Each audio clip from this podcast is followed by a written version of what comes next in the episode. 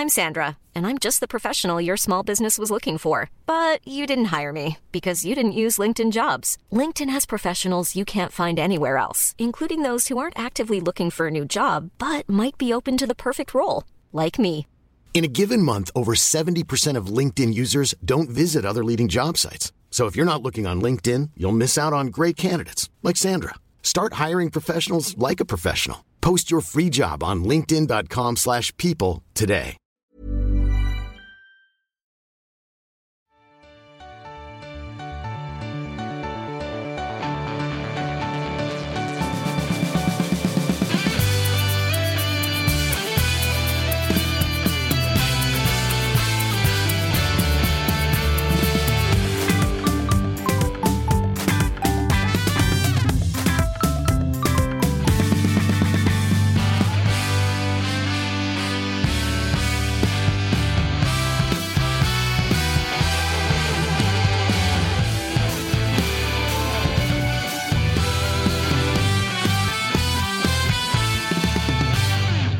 Är onsdag, full snöstorm och eh, kuppen närmar sig med små, små steg. Långsamma tider tycker jag eh, nu. Men Tuttosvenskan är tillbaka. Eh, Bowlingkalaskungen är fortsatt sjuk, tyvärr. Så jag programleder. Jag har med mig Josip Ladan. Hallå! Tjena, tjena. Hur är läget med dig? Mycket bra. Det var en fin, fin juggemiddag igår som vi hade gemensamt. Du var inte med. Mm. Du hade inte klarat av det heller. Så jag valde ut elitstyrkan, det vill säga Kalle, Ingo och Freddy. Eh, och så var vi ute i, på tal om Djurgårdsland som vi kommer till strax. Ute i södra förorterna då, Nynäsvägen. Mm. Eh, och käka på Balkan Steakhouse eh, med allt vad det innebär. Så det var, det var en otroligt trevlig kväll. Dina elitstyrkor känns ju småsvaga. Alltså, både Ingo och Freddy och så där kom in idag och var så... Eh, eh, alltså, så himla, himla bakis. Jag, ja, det var sent igår. Nej, tidigt, men vi tog två shots. Jag känner att Ja. de klarar inte av eh, Balkanlivet riktigt. Nej, i och för sig. Men å andra sidan, du, du har ju inte mandat att prata med elitstyrkor överhuvudtaget. I och med att du inte ens tog närvaro. Så att jag känner väl att jag är nöjd med, med valet och jag är nöjd med utfallet. Du vet inget om vad jag och min hund drack där hemma. Men skit i det, skit, skit i det nu. Vi har eh, Marcus Wihlberg med, sig, Ja. med oss. Med Eh, sig. Hur är läget med dig? Ja, men det är bra tack. Jag hade hoppats att eh, du skulle visa ditt riktiga, visa MIF istället. Jag har ju, jag, du sitter ju i en MFF-tröja där istället, men jag kör ju Diffen här. Fan vad... Fan, visa MIF. Fy fan. Kan det vara topp tre sämsta kampanjer någonsin? Visa Redhawks. Vi vet att, vi vet att eh, August Spångberg sitter hemma och kokar för att det visas diff i studion. Det är en kampanj han har stört sig eh, mycket på, men det är väl det som är meningen. Va? Det är väl absolut det som är meningen. Eh, är du lite besviken på... Freddy Arnesson var ju här förut idag. Han visar ju inte diff då i sin, Eh, sin vardag. Ja, men det måste jag säga. Någonting får man ändå lösa. En liten pin eller en, en halsduk, en mössa. Nu har vi fått lite schysst merch, vi som har köpt säsongskort genom åren. Så att det, det finns ju grejer att plocka av. Eh, Jag eh, ofrivilligt visar ju eh, Peking. Alltså jag blir ju glad när jag gör det. Men det är ju att jag har ju liksom aldrig köpt mössor och sånt själv. Så de enda jag har är ju de jag fått i liksom julklapp av pappa. och så. Där är det alltid någon Kurva Nordahl-mössa och sådär. Så att jag visar, visar mycket Peking i min vardag också. Ja, men du är ju också en vandrande reklamskylt för Peking. Är det? Ja, ju bara i största allmänhet med dina looks och, och mustasch eller vad man nu vill kalla det. Så att det är, du, du gör det bra. Du gör det ofrivilligt, men du gör det bra. Vi har tagit över den här eh, gamla, gamla Bayern-stilen att se ut som liksom, eh, alkade folk som kommer nia. De har ju liksom gått vidare till ung, unga och reklam, eh, liksom, folk som jobbar med reklam och eh, liksom är coola och har resultatinriktat fokus och allt det där. Nu är det vi som är de sköna och det, det, det står vi för. Fast det lite tråkigt ändå att man vet att, man ska komma nia inför I varje alla fall med den historien som finns om man kommer ner till den arenan och kollar ända upp. Alltså det finns ett par SM-guld här. Det är inte bara ett. Det finns några tecken att titta på. Det är kupper och det är, ja, men det är lite annan historia. Det står liksom 13 årtal med SM-guld där uppe och så står man och jublar för att vi liksom kryssar mot Degen och tar en åttonde plats. Så att, eh, det är klart det åldras dåligt. Men hur är läget i eh, Djurgårdsland? Vi ska prata mycket Djurgården idag tänkte jag. Men, eh, men eh, hur känns för det? Det känns lite rörigt kring Djurgården. Eh, Vi har pratat mycket om att det är många centrala mittfältare och vilka ska ut och vilka ska vara kvar. Och nu idag börjar det snackas Jonathan Ring från Ja, det ingenstans. går man ju och- verkligen igång på. Ja. Lite, lite ribba här under nästan. Eh, Men hur, hur är läget i, i Djurgårdsled skulle du säga? Eh, ja, men lite frustrerat blir det såklart. För att, eh, det jag mest vill veta är vilka försvinner. Och därefter börja by- bygga laget någonstans också. Om vi bara fyller på med massa... Risken är att vi inte blir av med människor.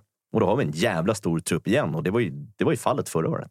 Det känns som man, man pratar mycket bland supportrar nu, vilket man, man kan vara lite trött på nästan. Men det är mycket snack om liksom åldersstruktur och truppbygge och allt det där eh, runt om. Mm. Det känns ju som just den delen är ju riktigt svår att sätta fingret på i Djurgården just nu. Ja, men skulle vi ta in Ring där, då, då är det ytterligare en kille som är liksom 30 bast och, och på väg uppåt. Så att, nej, det, det ser vi inte riktigt hända. Men är mest sugen bara på att se så här, vad kan vi plocka bort härifrån. Så att eh, eh, Peking, Tonna, plocka. Sabo kanske, för vi behöver Där bli har, vi, där har vi satt ner foten, eh, jag och... eh, Jag vet inte om någon annan har gjort det, men jag har satt ner foten eh, i alla fall. Men det är väl lite i i Djurgårds eh, sammanhang känns det nästan som man skulle vilja snabbspola två månader och se vilka är borta. Ja, ja. Eh, Liksom. För det är ju där den stora frågan är.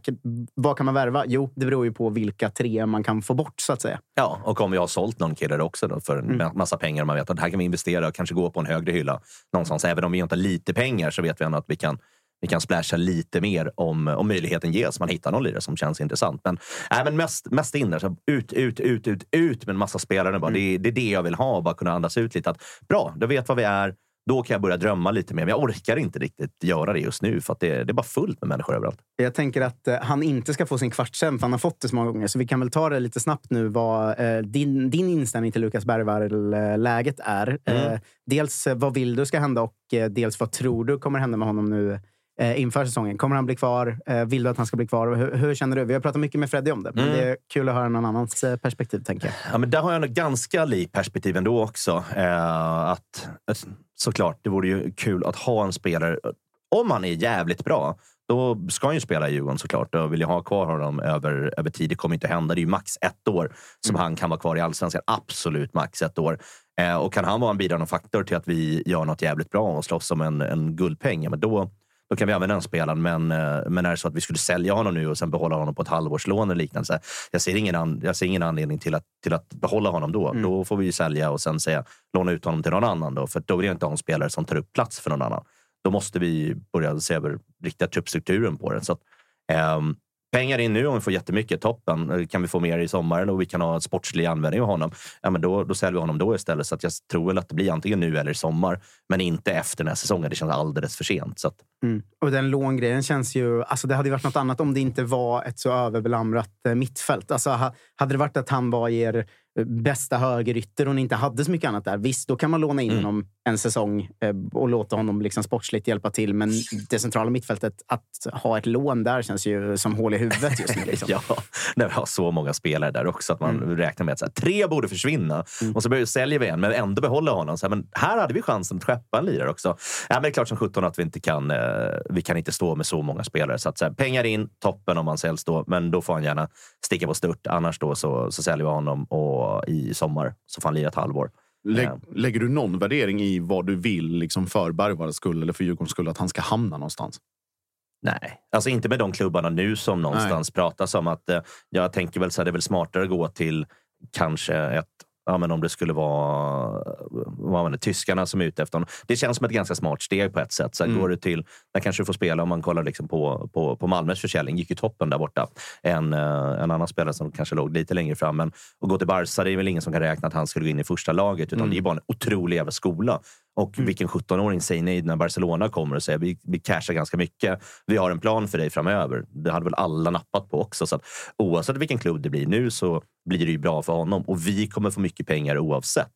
Sen när vi kan kräma ut massa pengar för oss toppen någonstans också. För att det, det, det huset jag kommer ihåg först Mm. eh, är ju Djurgården som förening och som, som fotbollslaget här och vad vi kan göra där. Så att, eh, vi har kommit över det det steget med att vart han än landar är ungefär samma lika. Det kan vara det högsta skiktet eller bara precis under. Och, ja, en ganska bra affär för oss oavsett. Men att göra en affär med Barcelona, det slår ju på något sätt lite högre för eh, vilket namn det är. Mm. Vilken typ av klubb det är. Ja, När AIK ja. gjorde med liksom Real Madrid var det ju, var det ju en sak. Och, och när sälja till, till Dortmund också. Det, det finns ju någonting där. Och Mm. att säga att ja, men vi sålde en gubbe till, till, till Barcelona, det är det som kan hända. Det kommer ju kidsen tycka är jäkligt ballt också. Där Precis. vinner man jävligt mycket. Och där kan man lura dem nästan lite. Så här, men vi sålde en, så här, ja, man gick deras eh, serie, det, tredje divisionslaget, det är där han började. Men att de tittade direkt på Djurgården och tänkte shit, fan kan gå till Barca. Ja, men de har vunnit en, två, tre talanger som kanske är, blir någonting framöver. Mm. För Ja, det det är var ju- fortfarande så Ja. talangerna säger att eh, om man frågar alla 17-åriga stortalanger så här, Vad har du för drömmar? N- 90 procent av dem nämner ju Barcelona. Ja. Det är klart att det är snyggt för en klubb att ha sålt en talang dyrt dit. Liksom. Ja, men inte bara det, men jag tror också för Djurgården som, som varumärke och för, för Bosses liksom mandat i klubben också att kunna göra även de försäljningarna. Att det blir någon form av eh, säga, annan attraktionskraft som inte kan mätas i pengar heller. Nu är vi, liksom, vi har ju varit raljanta här och garvat åt att liksom, ja, men det är bara att hämta från BP eller whatever. Men det här kan ju också stärka Djurgårdens eh, ungdomsverksamhet på ett annat sätt som kanske där naturliga valet, givet då om vi säger Isak till exempel, har varit AIK. Att man hamnar i, dem, i den kretsen eller nu med HTFF i Bayern att det finns speltid. Att Djurgården kan ha det som pull power. Att du behöver inte gå till Barca, men du kan gå hit eller du kan gå dit. Att bryter du igenom i A-laget och slår igenom där så finns det en bra väg ut för dig också. Och det kan ju vara verkligen värt att kanske ta 30 millar mindre till exempel, om det skulle vara budet. Att, ja, men, vad ser vi framöver då? Det är en talang in till som vi säljer kanske för 50 miljoner. Så här, ja, det hade kanske missat honom, så att vi hade inte fått in några pengar alls. Så där, där finns ju det. Det är en investering kanske att göra också. Vi tar lite mindre, men symbolvärdet från det. Allt det här andra Ja, det kan ge. exakt. Och det, har vi en plan där och en tanke kring det också, så då, då tycker jag det är fine att vi säljer dit också. Så att slå rekord, det är klart det är skitkul, men någonstans slutar någonstans. Vad är bäst för vad är bäst för mitt lag? Vad är bäst för min förening och för min framtid? För att Jag kommer ju stå på den där läktaren tills jag ja, inte kan. Tills man bara går under och dör. Eh, åker man dit i rullstol så finns det massa bra rullstolsplatser på, på Tele2 också som man kan dyka upp till. Så det, det, kommer, det kommer lösas på ett annat sätt. Men det som är långsiktigt bäst för Djurgården, som de ser där, kör på det. Även om det inte är mest pengar in nu. För, och sen är det också så här, Bergvall är ju en exceptionell talang på det sättet att han har varit så otroligt omskriven så pass länge. Alltså så här, Hugo Larsson, som vi har varit inne på hundra gånger innan, kom ju från ingenstans. Eh, och sen tittar man det på det som finns eller som är uppe för diskussion i A-laget nu, liksom Gideon Granström eller Khalifa Java. Alltså att det är också en hylla eller två hyllor under vad Bergvall är. Men du kan likväl sälja dem, vad vet jag, till något Championship-lag om allting går vägen. Eller kanske topp eller botten på bon, bon, alltså botten, mitten, Bundesliga eller whatever. Att det blir liksom en, en långsiktig effekt på det också. Men att du använder en del av de pengarna in i ungdomsverksamheten också. Att du inte bara stirrar dig blind på om det nu kommer 95 miljoner eller 100 miljoner för Nej, Bergvall. nej, för mig hugger det som stucket med Ja. dem, liksom de har differenserna. Utan det är det som blir bäst i längden. Och då, ja, jag, personligen så ser jag väl då att men Barca är ett jättebra ställe att sälja Mm. till. För att det kan ge så jävla mycket mer. Jag hade blivit ganska pepp om man var, var fotbollstalang och liksom var på väg upp. Och så här, gå dit eller ja, något vad AIK nu säljer till vet jag inte riktigt. Så, men vad, vad ska jag välja här? Sen Barsas likvida problem, det är ju en, he, det är en helt annan podcast. Det är, fint. det är kul att vara med i den också. Så här, Barca har inte råd att köpa. Att det bara står så en rubrik och vad som stämmer i den och inte riktigt. Men att det bara står så. De har inte råd med Lukas Bergvall. Japp. Det är dit på det är på Östermalm. Barca har ingen ekonomi i snacket har man ju hört i åtta år nu. Ja, de det är värvar ju ändå varje... Det Precis, någon kille roll. köps in för en miljard ändå. Så, men Ja. var hittar ni de pengarna? Då? Så, ja, men det, det finns alltid någonstans. Ja. Så det där löser sig på ett eller annat sätt och vi kommer få jävligt bra betalt. Jag tycker det är roligt med de som eh, drar de här. Det är många sporter till många lag som försöker jobba den. Att så här, ja, men det, ni bara tog honom från BP, det har inget med Djurgården att göra. Att det, känns ju som att det bara är så här, jaha, vem fan bryr sig? Då har vi gjort en jättebra affär då för ett Ja, Alltså, ja precis. Buhu! Ja. 90 miljoner extra på, på kontot. Okej, vi tar det. Fan också, det var Ja, inte vår precis. egen från början. Får vi se vad det blir med Bergvalls eh, yngsta brorsa. Han är väl 08-landslaget nu. Mm. Eh, så att, eh, får se om det blir en våg till om, om två år där, som det, som det brukar bli. Vi såg, ringa... Vi såg ju den, det var någon kort intervju han gjorde, yngsta brorsan Bergvall. Mm. Det äpplet faller ju inte långt från trädet. Det är fortfarande det är mittbenan och det är liksom outfiten och allt är redan på plats. Så att det är bara... Det Ja, men klart, har man en, har man en, Hjalmar Ekdal ser väl li, någorlunda liknande sin storebror också, Ja, även om det var många år emellan. Det. Så att, eh, det är väl klart, man kollar upp på en, en, en storebror som spelar, spelar fotboll om man är samma, har samma tankar. Så är det. Verkligen. Är de finaste bröderna tycker jag i Allsvenskan är ju Ceesay-bröderna som är så otroligt olika liksom, speltyp. Att den ena är så jävla snabb och har det som enda grej. Och den andra känns ganska långsam men väldigt brytnings... Alltså de känns verkligen som motsatser ju på ett härligt... Eh, mer såna bröder eh, önskar jag. Eh, vi ska ringa Isak Edén strax eh, och snacka eh, lite SFSU och lite Elfsborg. Eh, fick igenom eh, avsparkstidsförändringar på söndagar, vilket vi är många som har skrikit efter. Eh, det ska vi ta, ta med med honom. Sen ska vi ringa ner till Gais och Fidde Holmberg också. Eh, en av eh, bengalbrännarna eh, som inte blir dömd. Vi får se. utredd av polis här. Och eh, eh, sen har du dragit in Pekings nyförvärv eh, Lushak också. Ska vi Jajamän. snacka lite med Det honom. blir Så det, det är ett härligt program. Eh, innan vi ringer Isak vill jag säga att vi som vanligt är sponsrade av ATG. Eh, störst på Sverige inom sportsbetting ju. Eh, och eh, framförallt vår eh, huvudpartner. De som hjälper oss att göra Tuttosvenskan eh, eh, möjligt överhuvudtaget. Eh, ATG.se slash tutto finns alla våra spel. Eh, bland annat eh, Rule Britannias eh, tripplar som går oroväckande bra nu. Eh, jag har märkt eh, en hel del hybris hos eh, Jalkemo och Bylund. Så jag sitter lite och håller tummarna för en förlust, men de verkar ju odödliga. Så in och rygga dem. Även Toto Lives tripplar och alla våra andelsspel finns där inne. Stort tack till ATG. Men glöm inte att man måste vara över 18 för att spela och att om man har minsta lilla problem så är det stödlinjen.se som gäller istället. Nu ringer vi till Borås och ser hur muntert det är där nere. Jag undrar om de har kommit över eh, slutet på säsongen än. Nej, det har de såklart inte gjort. Det, de kan räkna vilka tabeller de vill och de kan sälja vilka spelare till De räknade in förra, förra säsongen eftersom de var bäst över 40 matcher. Så Ja, det är klart, precis. de behåller alltid slutet av varje ny säsong. De är hotade i 40-matcherstabellen av Sirius nu, eh, tror jag. Eh, Har jag sett. Tjena Isak igen, hur är läget med dig? Eh, men det är bra. Det är en jävla toppen onsdag. Ja, men det är skö- Skönt att du ser eh, muntrare ut än när vi ringdes där i, i november någon gång. Vi kan väl börja där. Vi har ju diskuterat det mycket. Har man kommit över slutet på säsongen och gått vidare eller naggar det fortfarande i, i vardagen?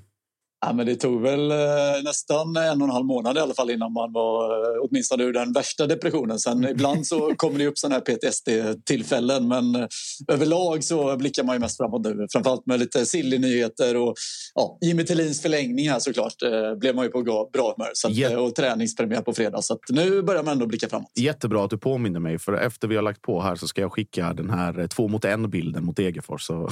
Ja, det är lite sådana där PTSD-tillfällen som dyker upp lite då och då som man det, eh, just blockar vissa personer på Twitter kanske. Ja, Så. ja, ja. Eh, vi pratar ju Josip alltid... Bladan är en av dem. ja, exakt. Eh, ja, Josip kan få lite såna småblockar från mig ibland. Sen avblockar jag efter några timmar. Eh, vi, vi, det är alltid, han är upp och ner, Josip, hur man mår i sin relation till honom. Det. Eh, vi pratar ju alltid med dig i lite, lite dubbla roller. Dels som Elfsborg-supporter och dels som eh, vår SFSU. Kille. Men jag tänker vi kan börja lite i Elfsborgsleden ändå eftersom Jimmy Tillin kom idag.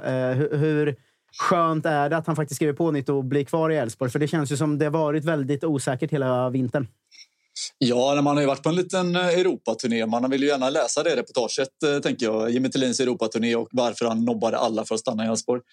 Uh, nej, men det är klart att det är superskönt. Och sen så ett kontrakt är ju vad ett kontrakt är. Men jag, den, så mycket som jag känner Jimmy Tillin och den liksom, personligheten så, så är det ju inte, han skriver ju inte på det här kontraktet och lämnar imorgon. Liksom.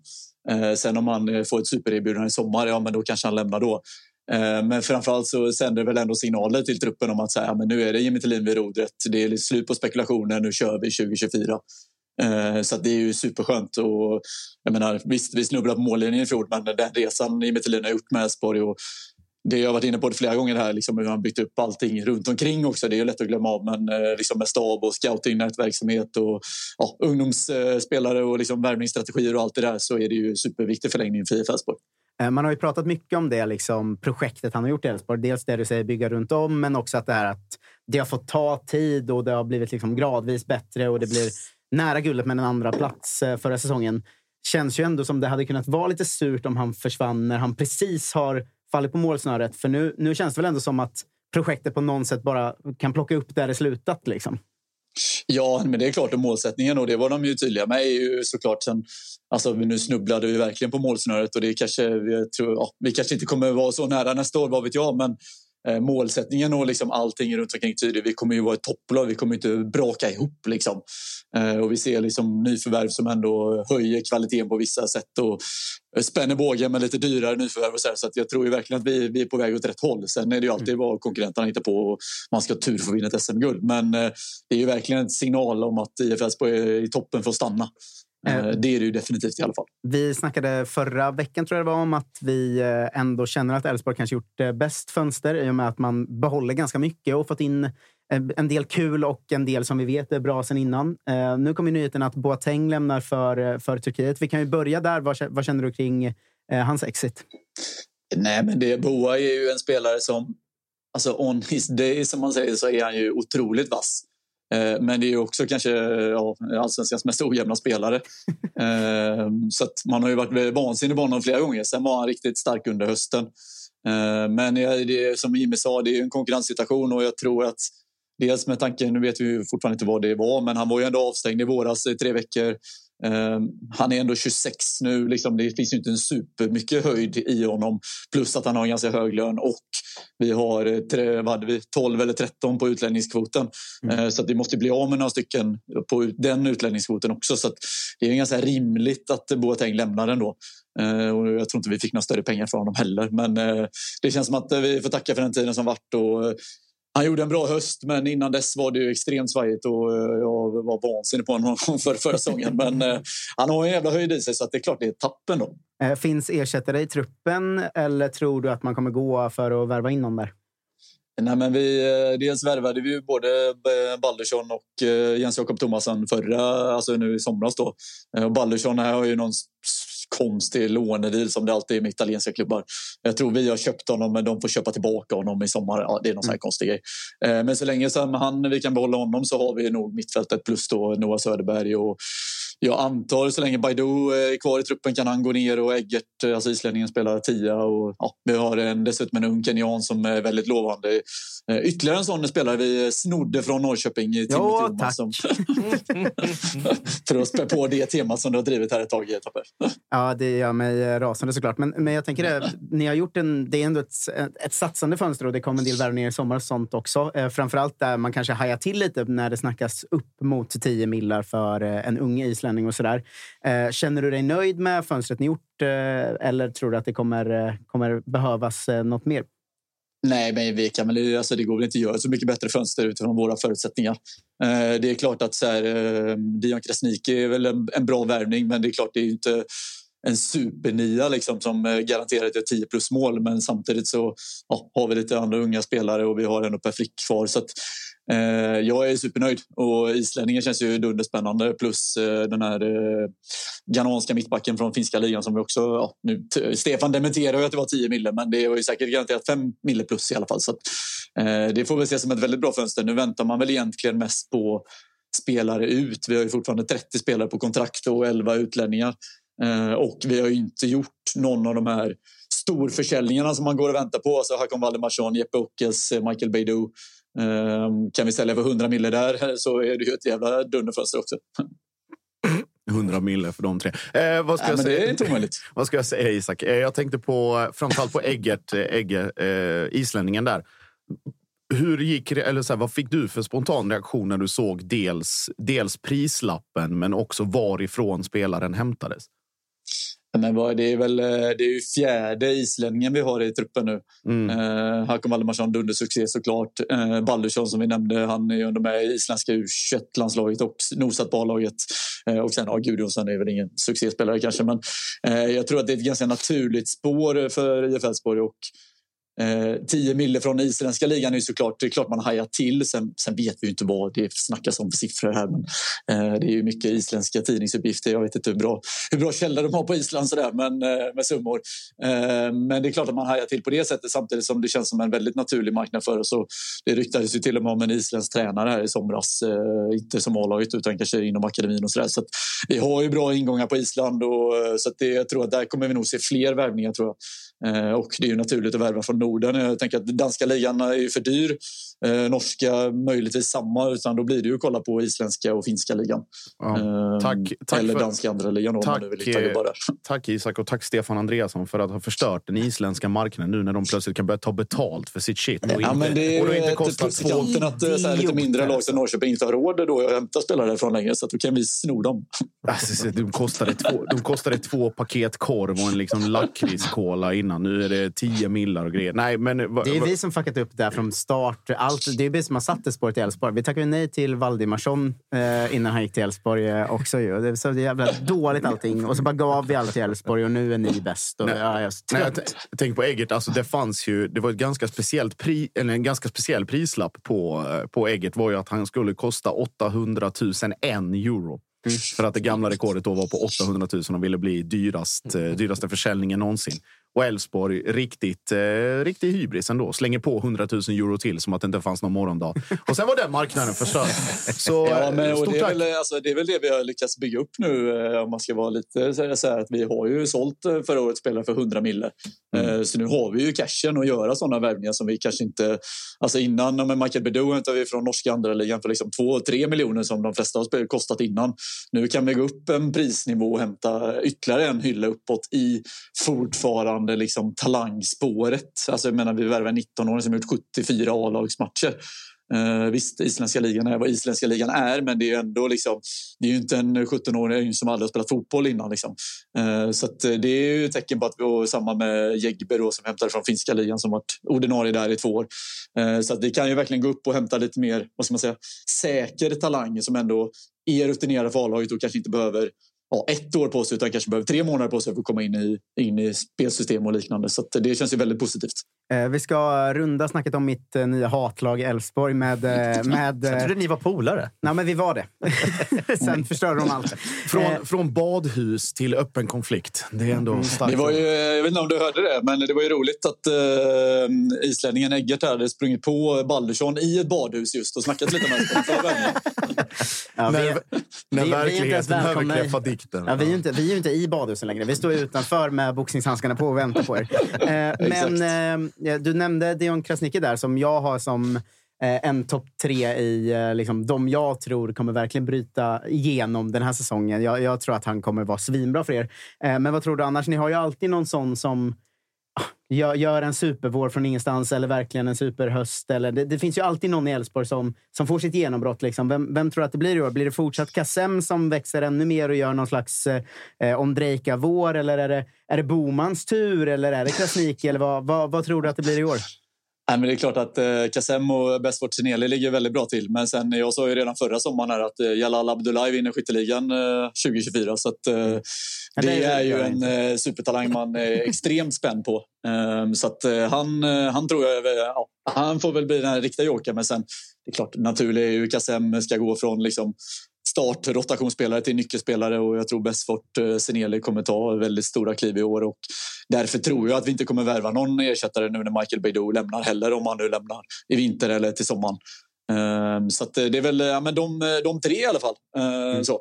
Ehm, och snart Jalal Abdullahi, eh, kolla in närmsta spelbolag och se vad han odds står i skytteligaseger för där, där har vi en riktig råtalang. Det, ni kan, det är så fint också att ni pratar om eh, liksom så här, ah, det han ska bli och han ska vinna skytteligan. Men varje dag med Svein Aron Gudjonsen på plan är en förlorad dag för Elfsborg. Och det glädjer mig varje gång han står i startelvan trots allt, allt det här snacket. Och varje dag med Per Frick från start är en, eh, en vinnande dag. Så att, eh, jag är nöjd. Det är därför det är skönt att värva lite så här halvbra anfallare. För då vet man att det kommer vara Per Frick som startar premiären. Så att det känns väldigt tryggt. Ja, han nätar ju mot Blåvitt i alla fall. Det vet vi ju Ja, jo, jo. Vet vi sen gammalt. Jo, jo. Det känns eh, harmoniskt och bra i Elfsborg. Och eh, det känns också lite harmoniskt och bra i supporter-Sverige. Hör den här övergången tills... eh, eh, sen spelschemat kom igår eh, och vi fick veta att eh, SFSU har fått igenom eh, Eh, en förändring att söndagsmatcherna blir då 14 och 16.30 istället för 15 och 17.30. Något som resande supportrar har skrikit efter eh, väldigt länge. Eh, hur, hur känns det för er och dig att eh, det här faktiskt eh, blev rätt, så att säga? Ja, men det känns eh, fantastiskt bra. Och jag tror inte folk alltså, förstår hur svår den ändringen är att få till. Alltså, jag, när jag började engagera mig i SFSU för fyra, fem år sedan. Då var det ju spelprogrammet man, alltså, som jag snubblade in på. Eh, för att man var irriterad på eh, ja, hur uselt det var. Eh, så att det är ju verkligen en stor förändring som sker. Och alla sådana här förändringar i allsvenska spelprogram är ju, alltså, det är jättemäckigt att få till. Eh, så att det, det känns väldigt skönt att eh, ja, SEF och, har jobbat för det och lyssnat. Och, att de andra parterna också har gått med på det. Eh, så att det känns väldigt, väldigt positivt måste jag säga. Eh, Malmö-supporterna har ju lagt en motion om att skapa en, eh, en form av maxgräns i mil för bortamatcher på vardagar. Hur långt bort i tid tror du vi är från att kunna nå något sånt? För att det här är ett steg i rätt riktning, men det finns ju, finns ju många fortsatta steg man skulle kunna ta. Liksom. Ja, men precis. Och det är väl, jag tror var åtta, nio klubbar som röstade igenom den, Mm. eh, en liknande motion som Malmö med 30, ja, den så kallade 30-milsregeln. Eh, och vi ska säga, utan den motionen, det är ju ingen SVS-motion, men den har ändå diskuterats i våra sammanhang också. Och utan den motionen så hade ju aldrig den här söndag 17.30-tiden ändrats heller. Eh, så det visar ju på vilken, eh, vilken möjlighet man har som medlem i sin, eh, ja, sin förening, men också engagerad supporter. Um, så jag tror väl att det är väl, det här är ett stort steg men det finns ju mycket kvar att göra. Och, ja, vi har ju liksom, sen veckomgångar är svårt att göra något åt. Det, det, är vad det är och i år är det mästerskapsår så därför blir det lite fler veckomgångar. Men det är klart att eh, helst hade man väl max velat ha en måndagsmatch istället för två, tre mm. eh, per omgång. Eh, och framförallt hade man väl velat ha fler lördagsmatcher. Och, ja, ja, men som, eh, som motionen är inne på, som du är inne på att ja, men man kanske inte vi har Bayern borta en måndag. Eh, det vill man ju inte ha. Eller Blåvitt har Sirius borta en måndag. Utan då vill man ju ha avstånd som ändå går att åka till. Mm. Eh, och sen de matcherna på helg. Så att, eh, men det är, det är råddigt och det är många som har viljor. Och, eh, supporterperspektivet i de här frågorna är inte liksom det enda perspektivet utan det är ganska mycket också med, med sportsliga perspektiv från klubbarna och ja, sen finns det ju tv och polis och allt vad det nu finns. Så det är väldigt många åsikter i, om spelschema. Men eh, det visar ändå på medlemsmöjlighet så att, eh, har ni inte skickat in en motion till er förening så eh, se till att göra det. Mm. Eh, för det, det går att påverka. Eh, man ska väl dock säga att en del klubbar aktivt önskar eh, vardagsmatcher ur, eh, för att det är bra ur spons och partnersynpunkt. Och så där. Jag vet att till exempel Blåvitt har gjort det innan. Det ska man väl ändå ha med sig också. att som sagt, man ska inte tro att det hela tiden är liksom förbundet versus klubbarna. utan Ibland kan det vara så att supportrar och klubbar också vill olika saker. så att säga. Ja, men precis. Och det är därför då en motion som röstas om ett, på ett årsmöte är den perfekta vägen. För då, då ska ju klubben jobba utifrån det och röstas mm. motionen ner, ja, men då, då röstas den ner. Då får man, alltså så. Eh, för jag menar, vi, den diskussionen har man ju alltid när man vill ha mer helgmatcher. Ja, men tänk på måndagsmatcherna, vi måste ha sponsorer och så vidare. Men ja, jag vet inte hur, egentligen hur legit det argumentet är 2024. Det är ett argument såklart, för det är många som använder det och det är samma diskussion i min egen förening, IF Elfsborg. Um, men um, ja, därför är det bra med en motion till årsmötet och gå dit och rösta igenom den. Eh, för då, då är det det som gäller och klubbarna ska sträva efter. Eh, Isak, jag tänkte på en annan grej som också är SFSU-relaterad. Jag vet ni har ju årsmöte snart. Eh, mm. hur, men kan du, utan att gå in på för mycket detaljer och sådär. Eh, det har ju skrivits fortfarande, eller skrivs varje dag i princip, framförallt från en mediekanal, vi kanske inte ska nämna vid namn, men just den här, det här fokuset från, eh, från vissa aktörer, då, eller framförallt från myndighetshåll när det kommer till då stävjande och förebyggande av vad man kallar det, glorifiering av viss, eh, viss läktarkultur. Då. Jag tänker på Isak Kiese eh, lilla polisärende som är uppe för diskussion. Tillträdesförbud. Det är bara ja. skicka ut den. Ja, du, Wilberg är tydlig. Men hur, hur har dialogen med, eh, med politiker och eh, lagstiftare och övriga myndigheter gått kring de här frågorna, bortsett från spelschemat? Eller hur går det? Vad har vi för status? Ja, nej, men vi var ju på, jag var ju med på det mötet som var i, i höstas, här i, när var det? december kanske. Eh, någonstans där omkring eh, hos regeringen eller hos regeringskansliet. Eh, jag ska säga att det mötet, alltså det var ju ett bra möte och eh, det var väl egentligen inga, inga konstigheter så sett. Alltså det, det, det handlar ju mer om att liksom, eh, ja, vem som har tillgång till kamerabilder och det är ju svårt att ha någon åsikt om. Så, så. Det, det, ja, det är liksom med GDPR-regler och allt det där. Liksom. Mm. Eh, så jag tycker väl ändå det finns en, en bra diskussion. Det är klart att Eh, jag lyssnade på er förra veckan kanske när ni diskuterade de här frågorna och det är klart att vi, vi supportrar har ett eget ansvar. Vi måste ta tag i det för annars, eh, alltså så här, 2024 behöver vara färre matchavbrott så är det. Sen kan man tycka vissa matchavbrott är onödiga men eh, det, är ändå, det behöver vara färre matchavbrott för annars kommer ju någon definitivt ta i med hårdhandskarna och då, alltså då är det inte vi som sitter på svaren längre utan då är det någon annan som bestämmer svaren och då kommer det ju bli betydligt värre än om vi själva tar tag i och diskuterar frågorna. Ehm, så det är väl en del av årsmötet som vi ska ha. Dels har vi bjudit in SEF, alltså Johan Lindvall och Per Eliasson som är eh, säkerhetsansvarig. Just för att diskutera hur synen är därifrån och lite, ja, vi ska ha något möte med, med NOA, alltså Polismyndighets-NOA. Eh, och så, så jag tycker väl ändå dialogen är ganska bra. Eh, sen finns det ju alltid så här, man är ju aldrig överens om allting, men det ska man väl inte vara heller. Men jag tycker ändå på ett övergripande plan så finns det en, en bra dialog, tycker jag ändå. Mm. Eh, sen finns det alltid så detaljfrågor och sådär. Så ja. Man, ja, man kan vara lite arg på i sociala medier men, eh, och lite annat. Men eh, jag tycker ändå övergripande finns ändå en, en gemensam vilja att liksom, vi ska inte ha någon villkorstrappa utan det är liksom exkluderingsstrategin.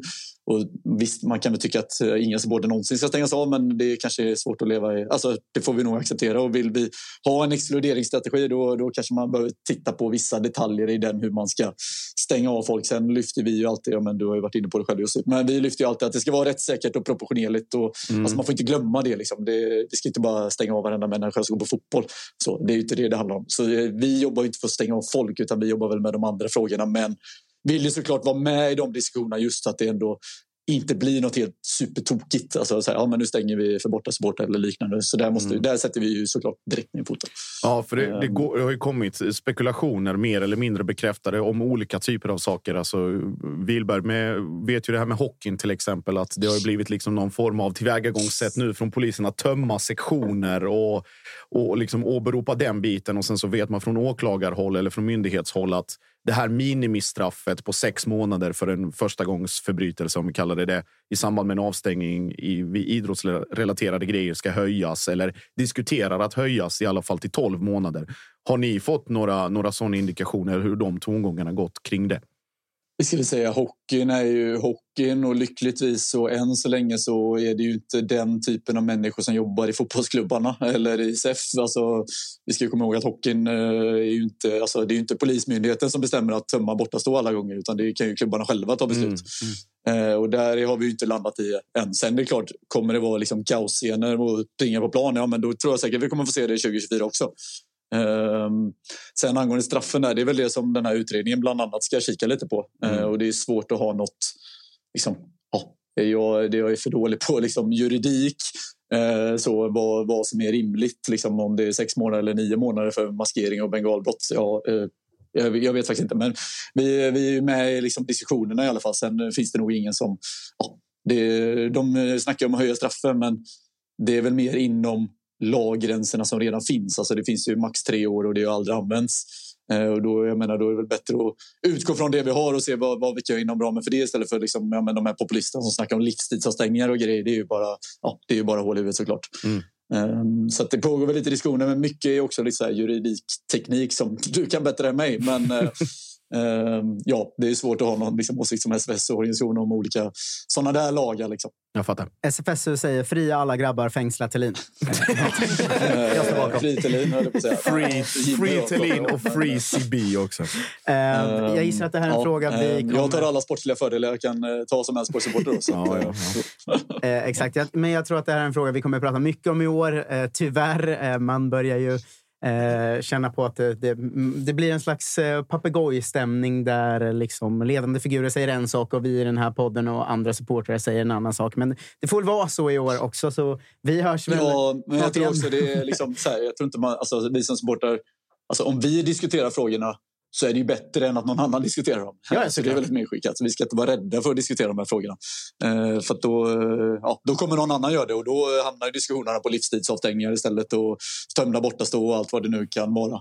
Eh, så att, eh, det är bättre att vi, vi supportar styr agendan och pratar om, om, om de utmaningar som finns men också möjligheter såklart. Alltså, vi har ju fan publikboom och publikrekord och det fan, eh, vi säljer slut, varenda, varenda lag säljer slut sin klackläktare i princip och familjeläktare och allting. Så att, vi ska inte liksom, det är ingen doom och gloom heller utan det ska man ha med sig i lösningen framåt också. tycker jag. Mm. Eh, bra, väl rutet. Och eh, vi hörs eh, snart igen, Isak. Lycka inte det... till fotbollsmässigt, men lycka till med SFSU. du får komma med lite mer tips på nyförvärv sen. Vi behöver en, kanske en central mittfältare till. Så att, uh, vi kanske kan sno någon. Uh, Alle Fransson eller något kanske. ja, ja, men han, han har inte spelat på några år. Så eller Totte Nyman, kanske. Hej då. Ha det gött. Ha det gott, Isak.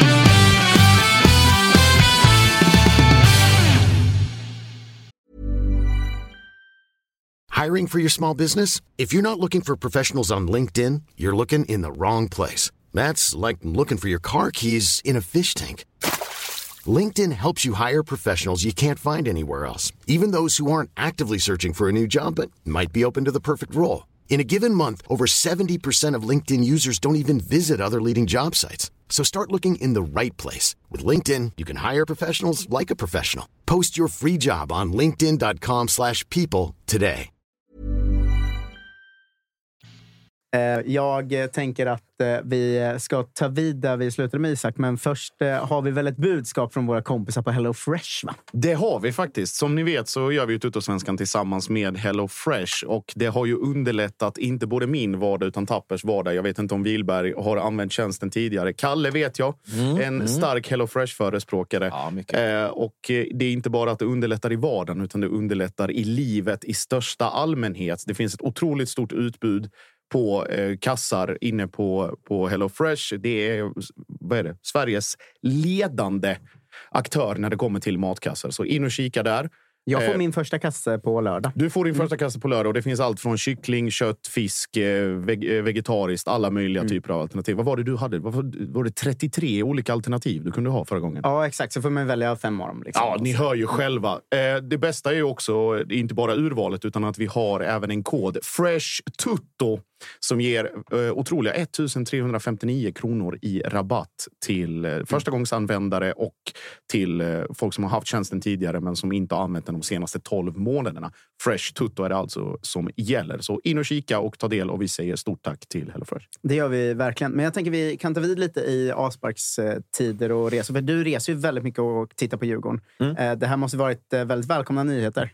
Eh, definitivt. Det, det enda som var negativt var ju att derbyna blev en timme tidigare. jo, det så, så det var ju, men det överlag så är det precis det här man varit ute efter. Och sen kommer man ju alltid ha små saker att gnälla på. Jag fattar att det inte kommer hamna på måndagar i, i någon nära tidsperspektiv här, men toppen att kunna ha de här också så att man kommer hem någonstans dräglig tid. Eh, nu har jag lyckligtvis ett jobb som jag inte behöver vara på klockan 06.30 en måndag morgon så man kommer helt jävla förstörd till oavsett om man åkt, bis, eh, åkte bil, buss, tåg, hur man nu har tagit sig dit. Men eh, många andra har ju det och de vill ju kunna resa och det är ju fantastiskt. Så att det här äntligen bara. Ja, men, Mm. eh, verkligen. Jag tänker på det här med derbyna här eh, som stockholmarna har skrikit om så länge. Att, så, tänk att få det här liksom, måndag klockan 19. Det är kväll, man kan eh, dra på AV efter jobbet och sen på derby. Och, Till och med liksom, under arbetstid skulle jag säga. Man, man, drar man orkar liksom inte vara där ända till klockan fem utan man stämplar Ja. ut kanske strax efter lunchen att jag drar nu. Eh, Men sen just det här med eh, liksom, eh, bränningar och tifon på Mm. en kvällstid och, och allt det där. Mörkret gör ju någonting. Mörkret gör ju mycket. Hur, hur frustrerad var du när du såg att Göteborg Guys fick måndagsderby, men också att folk gnällde lite på det? Ja, men det blev väldigt provocerande. Jag, jag, jag la inte märke till det. Jag kollade bara Djurgården i, i spelschemat först och främst. Vad jag hade för olika tider och började planera lite. Vad, vad ska man sticka någonstans? Och vi hade Mjällby en lördag. Jag tänkte skönt, för det är den längsta bortaresan som finns också. Så vara hemma kanske någon gång söndag kväll är ju ändå toppen att kunna, kunna greja det. Då. Men eh, nej, jag fattar inte varför man, varför man gnäller. Och det, det är ju precis det vi vill ha. Och sen Gais Göteborg, omgångar 7, 19, 10. Vilken dröm alltså. Ja, det är dröm. Eh, Fy fan. Hur ser du annars på spelschemat? Vid, vid snabb anblick såg det ut som att eh, Djurgården hade en ganska trevlig vår tyckte jag. Ja. Ja, jag ser fullt överkomlig ut, både i, i sportsligt men också för alla som vill åka och titta på fotboll också. Eh, det var väl inte jättemycket att åka på, för det kändes som att det var massa hemmamatcher. Så var det snarare, när fan har vi våra bortamatcher då? När kommer de komma? Eh, så att, eh, jag tycker, det- tycker det känns bra. Jag har inte jättemycket att, att klaga på egentligen. Bortapremiär i Göteborg, toppen. Påsk, mm, dåliga minnen, men då kan vi göra det bättre istället. så att det är vi som får stå upp och ha glad påsk istället. Så att, eh, det har väl lite revansch att utkräva, men överlag känner jag mig ganska nöjd eh, med det. Att det, det känns bra dagar också. Mm, vi kikade på det igår, eller Fredde gick igenom det. Det var ju första riktiga bortaresan som inte är liksom inom entimmesgränsen. är alltså Mjällby i omgång 11. Resten är alltså BP, Västerås och ett derby på bortaplan. Ja. Ja, och så bara liksom dubbla hemmamatcher och allt det där. Ja, så, så, och Freddy var ju så här, "Nej, otroligt. Fan, det otroligt trevlig vår. Ja, jag bara, jag har tänkt när du vänder på det på hösten med det motståndet på bortaplan också. Det, är, det är den sportsliga biten också som ska räknas med. Nej, men, Men eh, ja, vi ska väl också säga att första matchen ut i allsvenskan eh, blir eh, IFK Norrköping mot eh, Malmö. Lagen som har tagit 36 av de 100 SM-guld som delats ut i, i allsvenskan. Eh, Det blir bra för mig att nämna båda som en klumpsumma på det där sättet. Sen, Eh, sen hur många som, vem som har tagit det mest, det behöver Ja, inte... Ja. Eh, men det är då påskafton klockan 15.00. Det är ju eh, en, en rörig tid för många, men en kanontid eh, tycker jag. Så en, en lördag 15 där i påsk, när man ändå då kan liksom åka hem, för, i mitt fall, och hälsa på min familj och sen bara pipa iväg på påskafton och träffa grabbarna och möta Malmö hemma. Det är ju kanon ju. Eh, hur har det mottagits i, i Malmöled? Eh, generellt bra. Alltså framförallt, vi var ju lite som, som Wilberg är inne på, alltså just den diskussionen med tiderna. Och att I och med att vi ligger där vi ligger geografiskt så har det också varit en, en, liksom en käpphäst för oss att inte bara behöva liksom planera all logistik utan alla de här tiderna med infrastrukturen som är i det här landet. Om du ska för, liksom förlita dig på den. Att det finns tåg eller att det finns flyg och alla andra möjligheter att ta sig hemåt i, i vettig tid. Så att vi, vi jobbar ju på. Sen är det så här alltså det här är ju bara ett steg på vägen. Vi kommer ju jobba ännu hårdare för den här 30, max 30 mils motionen. Och det som jag har sett, de matcherna som vi har på våren som är på bortaplan, det är, alltså, det är väl Djurgården emot som är på en torsdag. Liksom. Mm. Det, det är ju vad det är. Men, det är en veckomgång. Ja, och sen är det ju då. Det, jag tror vi har Häcken och Blåvitt borta. Men det är också, för, det, men det är också relativt nära avstånd. Det är väl liksom två och en halv, tre timmar upp Mm. beroende på hur snabbt man kör. Så det är väl ändå inom rimlighetens gränser. Men vi kommer ju fortsätta att jobba ännu hårdare för att få igenom den här 30, 30 mil på vardagar Mm. gränsen. Men spelschemat i övrigt är ju vad det är. Vi har en jävligt och jävligt stökig, sek, sek, alltså stökigt segment. Vi har ju Peking eh, borta i premiären, Bayern hemma eh, i hemmapremiär och sen är det väl, jag tror det var Västerås och sen är det liksom Gais, Häcken, Elfsborg, Blåvitt, Djurgården och AIK.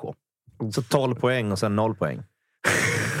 Ja, men det är vi, vi lite- jobbar inte noll poäng, det vet du. Det är Men- lite att liksom, eh, känns som att så här, går ni bra den perioden så är ju guldet klart. Alltså, en, en eh, riktigt fin raksträcka där så, så är ju allting upplagt och sen är det då Europa som väntar i, i sommar. Återigen, äntligen. Men eh, nej, men det blir ju alltså en, en spo, jätte, jättetuff sportslig utmaning att, att få dem Alltså så här, nyhetens behag med två nykomlingar ganska tidigt. Djurgården som vi har svårt mot på Tele2. AIK ska komma ner. Där vet vi att det är på tre poäng, men det är fortfarande AIK. Det är Bayern, det är Peking. Alltså det finns ju, finns ju att jobba med. Och det, det kräver ju också att tror Daniel Andersson sa igår i någon sån här intern intervju att eh, vi har lite grejer på gång, men att vi väntar också för eh, att liksom det här fönstret stänger i januari så att vi har fler alternativ att plocka in bland då kanske högre hyllor eller nivåer som vi inte hade haft tillgång till vanligtvis. Och där gäller väl också att de spelarna, att man redan nu vet vilka det är och eh, när de ska ansluta och om och status där så att det blir en så smidig övergång som möjligt. För att det är egentligen bara det här kuppgruppspelet där saker måste sitta ganska fort. Och det var ju på håret förra året liksom med den sista minuten mot Degerfors. Och, och sen blev den våren vad den blev. Men ännu mer nu. Nu, är det ju, livs- nu ligger ju Malmö lite längre fram i eh, struktur och liksom i taktik och alla de bitarna än vad man gjorde förra året. Men likväl att den spetsen som kommer in, den måste också bidra direkt för att det är så pass tuffa och tajta matcher som, som väntar ganska tidigt. Så nej, det ser med tillförsikt fram emot. Jag vet inte om det blir... eh, Jag hade 25 av 30 förra året. Jag får se hur många det blir i år. Det är andra parametrar som ska in också. Det är ju eh, en smäll för min lever såklart att IFK Norrköping börjar ju alltså med på fyra första omgångarna tre lördagsmatcher varav två är mot Malmö och IFK Göteborg. eh, och den sista är liksom 14.00 en söndag. Alltså vad är det för drömstart? Ja, och dessutom ska ju du också ner i någon sån här vad heter det, bröllopsdiet. Ja, det kommer inte gå. Nej, det Passa in med det du sa om att ni hade blivit Hammarbyarna. Så det blir mycket supa helt enkelt. här säsongen. Så det går i linje med det vi börjar med. Sen är det liksom den finaste gåvan av alla att damallsvenskan är ju derbyt hemma mot Linköping en lördag på min 30-årsdag. Det blir ju, det blir ju fyllecell så att det sjunger om det. Så, eh, vi lämnar spelschemat och går över lite mer i, i Djurgården. Eh, nu när Jimmy Tillin har skrivit på nytt kontrakt, det inte blir något med Olof Mellberg till landslaget, börjar det smyga på sig en Kim och Tolle-oro nu för det finns inte mycket kandidater kvar. Och från början har de ändå varit bland oddsfavoriterna. Eh, är du säker på att de tränar Djurgården nästa år eller behöver du en presskonferens där de går ut och säger att de gör det? Nej, men jag behöver nog ingen presskonferens. Det känns, bara magkänslan säger att nej, de är nog inte nära det. Bara, det är min känsla bara rakt, rakt upp och ner på det. Eh, om de vill ha folk som är bra i media, så att, nej, då hade de behövt ha tre tränare. Då. Om det kommer som en duo och man ska ha sen en, media, en mediatränare också som ska sitta och babbla. Många poster att fylla där. Så att, eh, av den anledningen, nej. Eh, det är väl lika bra att bara ta Bäckström, skicka in. Han är ju där han vill ha jobbet. Så här, ge den till någon som vill ha det. Det är väl bättre att, Ja. att någon som faktiskt är taggad på ett arbete än trycka in en människa. Liksom, ta det här nu! Ja, han har ändå gjort det helt okej i både Sylvia och Sirius. Så att, Han är hundraprocentig som A-lagstränare också. Så... Ja, å andra sidan har U21-landslaget aldrig varit sämre än under Bäckströms ledning. Ja, men han ville säga det, så de bättre spelarna är där uppe. Ja. Det är de jävla. Just det. Just det. Hallå, jag spelar med de dåliga här. Ja. Eh, Ja, men du känner jag dig tr- trygg med att inte bli Kim och Tolle? Ja, egentligen. Och, och, och blir det det så, så, så blir det väl det. Då får vi titta något annat. Men nej, jag, det bara känns inte så. Jag har, ing, jag har ingen oro. Och skulle det bli det, då skulle jag snarare bli lite chockad. Alltså, Oj, jävlar. Det hade ju varit väldigt spännande att se vad som hade hänt i, i Djurgården. Men jag tror faktiskt inte, jag tror faktiskt inte heller att det blir dem. Eh, Så jag tror man, man kan vara lugn där. Annars Djurgården är man inte så lugn som vi var inne på i början. Eh, vad, om vi ska ta mittfältssituationen med dig också. Eh, då, vilka ska försvinna? Eh, hur, hur ska ni formera ett mittfält? Hur, hur, ser det ut i ditt huvud?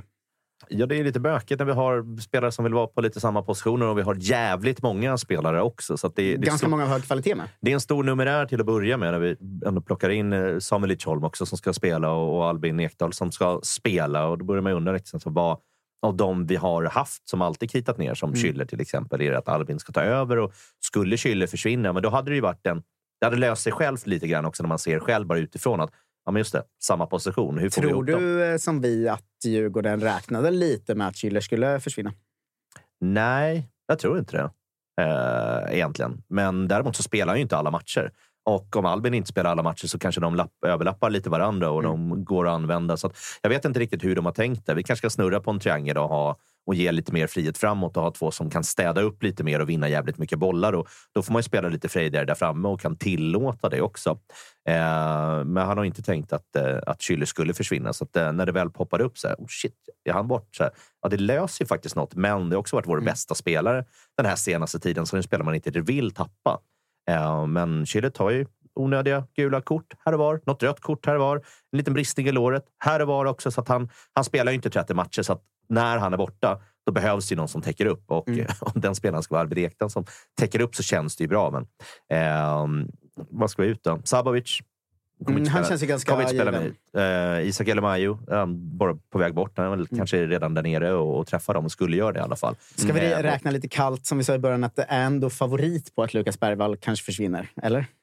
Ja, det är stor uh, chans, eller risk, mm. beror på hur man vill se det. Då. Men, uh, men varför inte? Så att, uh, då är det ju bra att ha många också om det är den spelaren som skulle, skulle försvinna. Men om han sticker nu eller i, i, i sommar så måste vi ändå ha tre gubbar gubbar bort. Så Isak out, eh, Savovic out. Vad fan händer med Findell? Han får bestämma mm. sig lite någonstans och vi måste också bestämma verkligen vad vi ska göra. För nu är det så pass många där att det, det måste bara ske någonting egentligen. Jag sa ju det förra veckan, att, eh, eller förra, förra kanske, när vi pratade om det här, att Findell är för mig så jävla underskattad. Jag tycker han har varit väldigt bra ofta när han, när han spelar sådär. Men hur, hur ser du på honom? Är det, är det dags att röra sig vidare och satsa på de andra? Eller vill du se honom i Djurgården ett år till? Eller eh, hur ser du på Hampus Findell? Jag gillar honom som spelare. Eh, han han gör inte jättemycket väsen av sig, men det är många andra som stör sig på honom som inte är djurgårdare. Och det är jävligt kul att ha honom som spelare. Han har också varit jävligt bra. Eh, gör ju en del mål. Kommer på lite andra vågor och, och hjälper till när en forward inte gör mål. Då dyker han upp som gubben i lådan och, och fixar mycket. Så han har ju varit en jävligt nyttig spelare för, för Djurgården eh, och passar in, eh, passar in väldigt bra, tycker jag. Eh, och sen, han har varit bra och mm. ung. Så det finns ju en spelare att bygga på, men så här, han kommer inte vara kvar där, till Djurgården tills han är 30 om han skulle nu förlänga. Det har jag svårt att se, för att alla spelare på något vänster försvinner ändå. Uh, men jag skulle gärna ha kvar honom egentligen, men nu är det ju bara ett jävla konstigt pussel att lägga. Så vem, vem försvinner? Vad, vad gör vi då med det hela? Det är bara för, för många nu, så jag ser inte plats för alla de här. Så på något sätt är det att det är nog dags att dra, även om jag gärna behåller honom. För jag gillar honom som fasen. Och no-brainer med Mange ut också. Ja, absolut. Mm. Det var grinigt förra året. Det var... Om du som lagkapten ska styra ett lag och vara med och bestämma, och då måste det alltid vara måste bidra till det också. Vi kan inte ha en lagkapten som, som inte gör det. Så är du inte på plan, men då måste du vara ett så otroligt föredöme. Det måste göra ont som fan att som lagkapten eh, och den etablerade spelaren han är och den stora stjärnan också då i, i Djurgården, att inte spela match ut och match in och ha det förtroende. Det måste vara en sån jävla reality check som, som dyker på en. Men där är vi nu någonstans också. Om inte han kan steppa upp den här säsongen och, och kan liksom bara, ja men jag får gå in och kriga som alla andra så får vi se lite vad som händer. Men då får jag köpa in den här rollen när man kanske då har hunnit acklimatisera sig lite. Att det, fan, det är lite på dekis nu, det är lite på nedgång. Men, men annars är det, är no-brainer att då måste vi ju ändra där. För då, då behöver vi en ny struktur. För att nu är det många äldre. Folk mm. födda på 90-talet som eh, sent 90-tal eller, eller alltså tidigt 90-tal eller sent 80-tal som ska spela tillsammans. Och då, då är vi jävligt gamla på, på mitten. Kanske värt det om ni är jävligt bra också dock. Ja. Jag, jag tycker att folk, eh, folk, folk, glömmer ibland att eh, folk runt 30 kan vara väldigt, väldigt bra på fotboll. Jag tycker, jag tycker liksom att men Lite många... för många bara. Men, så här, men har vi ett par mm. stycken, ja men det ska vi ha. Och sen när det finns några som ändå... Samuel Lidsholm är inte purung. Han, är ändå, börjar ändå titta på det. det är fem år kvar tills han är där uppe. Han kände sig gammal som 25-åring mm. typ också. Men då börjar ändå bli ganska etablerad. Men för många kan vi inte ha. Och då, om det är den med typ mest pröjs i laget, för detta eller nuvarande lagkapten, who knows, som sitter bänk. Det funkar inte. Men däremot om man har Haris till exempel som, som är med. Det är en annan typ av spelare som bara är äldre och som har erfarenhet. Så där måste man köpa in på det i sådana fall och säga att fuck it, jag kör ändå. Eh, det får bli lite som det blir. Men jag är här för laget nu för skölden. Mm, och det handlar, det handlar om rollfördelningen också. Alltså så här, inte bara att det är numerärt många på det mittfältet. Det är också många karaktärer. Alltså Schüller är ju en karaktär på sitt sätt. Liksom att han kommer från, från den bakgrunden han har. Och det är liksom det han gör utanför planen med sin liksom utbildning och läser böcker och hela den biten. Och sen Albin Ekdal med allt vad det innebär. Och så plötsligt en petad lagkapten. En 17-åring som är på väg att gå till Barca en som gör sin andra vända i Djurgården och som är liksom så här, tycker att han borde få spela mer. Och ett nyförvärv då i form av Leach Alltså det, det är också ett liksom, jag ska säga, personlighets och karaktärsmässigt svårt beslut för Bosse att ta också. Att inte bara... Alltså så här, alla vet vad som hände i Djurgården förra året. Men liksom, kan man kanalisera det här och kan man använda det på ett bra sätt?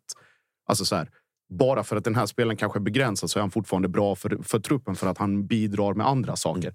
Men som vi var inne på. Det måste ju väga över då. Att Det är det jag menar. Här, har du den här pröjset, så här, men då, det måste ju finnas andra grejer än bara det du gör på planen. Mm. För det måste, det måste finnas utanför. Du måste vara ledaren. Du måste kunna driva på alla. Och det såg vi inte förra året egentligen. Och framförallt inte från... Alltså så här, ja, det är sällan man ser en sån liksom, tydlig roll på ena halvan och sen när det vänder, att man, an, i Manges fall Mm. då, att du kanaliserar det genom att liksom pika i media eller gnälla internt eller liksom bara liksom bete dig som en obstinat tonåring för att du tycker att du borde spela men den som tar ut dig tycker inte det. Mm. Och det är också så, för det är konstigt för att det är rimligare att en 20-21-åring resonerar på det sättet än någon som är 30 plus och som har haft den karriären Mange har haft.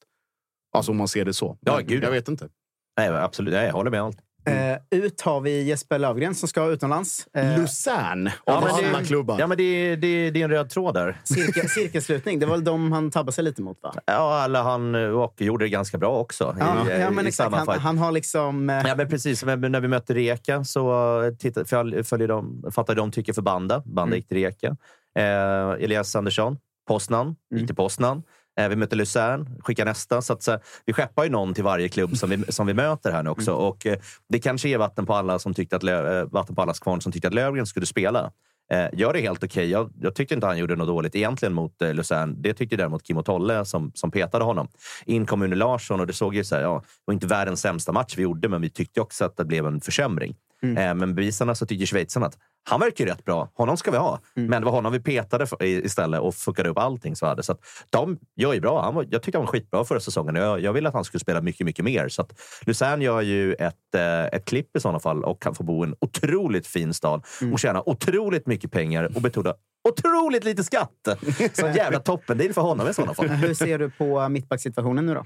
Ehm, nej, här, jag gillar den här finnen som har kommit in. Jag har inte sett en eh, minut speltid av honom, mer än det lilla, lilla man får se från DIF inifrån i stort sett. Och där joggade han ju mest, men alla sa att han var jävligt bra. Så att, Någonstans är folk glatt överraskade att han verkar bättre än vad många, många trodde, vad man själv kan, kan, eh, kan hitta, eh, hitta och se. Så att, där kanske Bosse har någonting, men jag är inte helt hundra med Mure Larsson. Eh, så att, om han ens vill vara kvar. Så det är det man går och väntar på. Men, men Löfgren, out. Det visste man ju. Eh, Morris Gracia försöker vi bli av med på alla möjliga sätt. Så att även där försvinner. Så någonting behöver ju mer komma in i alla fall. För, eh, för vår utlånade mittback. Han spelar med striker och gör mål istället. Så jag tror inte att han, att han är, är, akt, är, är aktuell för att spela någon mittback. Så att någon till måste in i alla fall. Eh, för det behöver finnas några gubbar till. Och Filip Rolke har väl inte ens varit och nosat här uppe. Utan han, han ska väl mer acklimatisera sig och bara bli, bli människa igen. Eh, sista potentiella sillen på Djurgården innan vi ska vidare och snacka lite guys eh, Mm. äntligen. Eh, tänker jag är anfallet. Mm. Det har snackats lite om att folk vill ha in någon ytter. Eh, det har ju... Ja, kanske- Jonathan Ring, han är på G ju! Har ju han. Men det har ju från eh, vårt håll eh, slagits fast att eh, den här Gurbanli blir ingenting av. Ehm, hur ser du på det? Behövs det någon till nia eller tror du att han kan slå igenom i år? Eh, vill du ha någon till ytter? Hur ser du på anfallssituationen? Nej, men jag vill väl båda ha en nia och en, en ytter. Jag litar ju inte helt på, på Mosa. Det kanske blir någonting där och jag är villig att ge honom en chans. Eh, men händer ingenting under vårsäsongen, men då, då måste vi verkligen hitta en, en lösning där. Men definitivt så behöver jag in en ytter. Vi har Harris på, som lirar kanske sin... ja, Det blir väl hans sista säsong nu. Eh, Slutar ju med att han spelar i höst. Ja, men det kommer ju bli det i alla fall. Eh, så, så löser sig. Gör mål mot Peking borta. eller Något Ja, sånt ja. där Det härligt gör han ju också. alltid, Ja, exakt. Eh, och eh, VK Skadad, kommer inte spela. eh, Spelade knappt förra säsongen här och eh, har säkert ganska mycket pröjs. Där behöver vi också bli av med honom egentligen och, och plocka in lite nytt. Och Milleskog, men det är ingen toppspelare i i Djurgården. Visst, vi kunde få Samuel Dahl från Örebro som var svinbra, men Milleskog hade inte alls hans höjd. Eh, så en ytter, definitivt. Och en eh, nia av något slag, absolut in. Så där, eh, där behöver det hända grejer också. Så spelar ut på mittfältet först, spelar in där fram, prio också.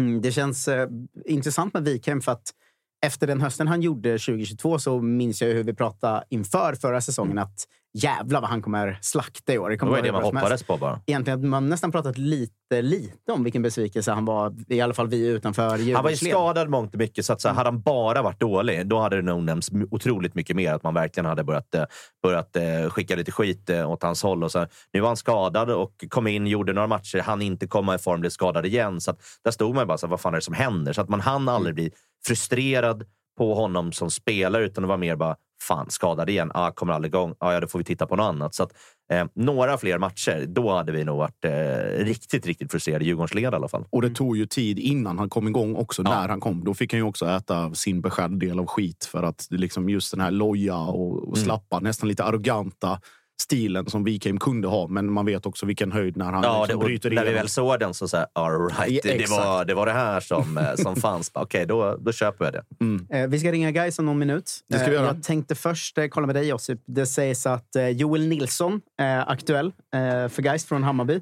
Precis! Eh, Fan, det vad- värmer i hjärtat. Vad kan du säga där? Och visst kan vi enas om att det hade varit en eh, Tack, jävla, ett jävla nyförvärv för Gais, eller? Men verkligen. Eh, och det är väl eh, Joel som, som har gjort det med, eh, med den äran i Bayern. Det var väl ett 1 plus 1 kontrakt och varit kontraktslös nu sen, eh, sen årsskiftet. Och eh, väl, kommer väl också, om det nu blir av, eh, till en klubb som, där han kommer få det här förtroendet som han hade i Mjällby.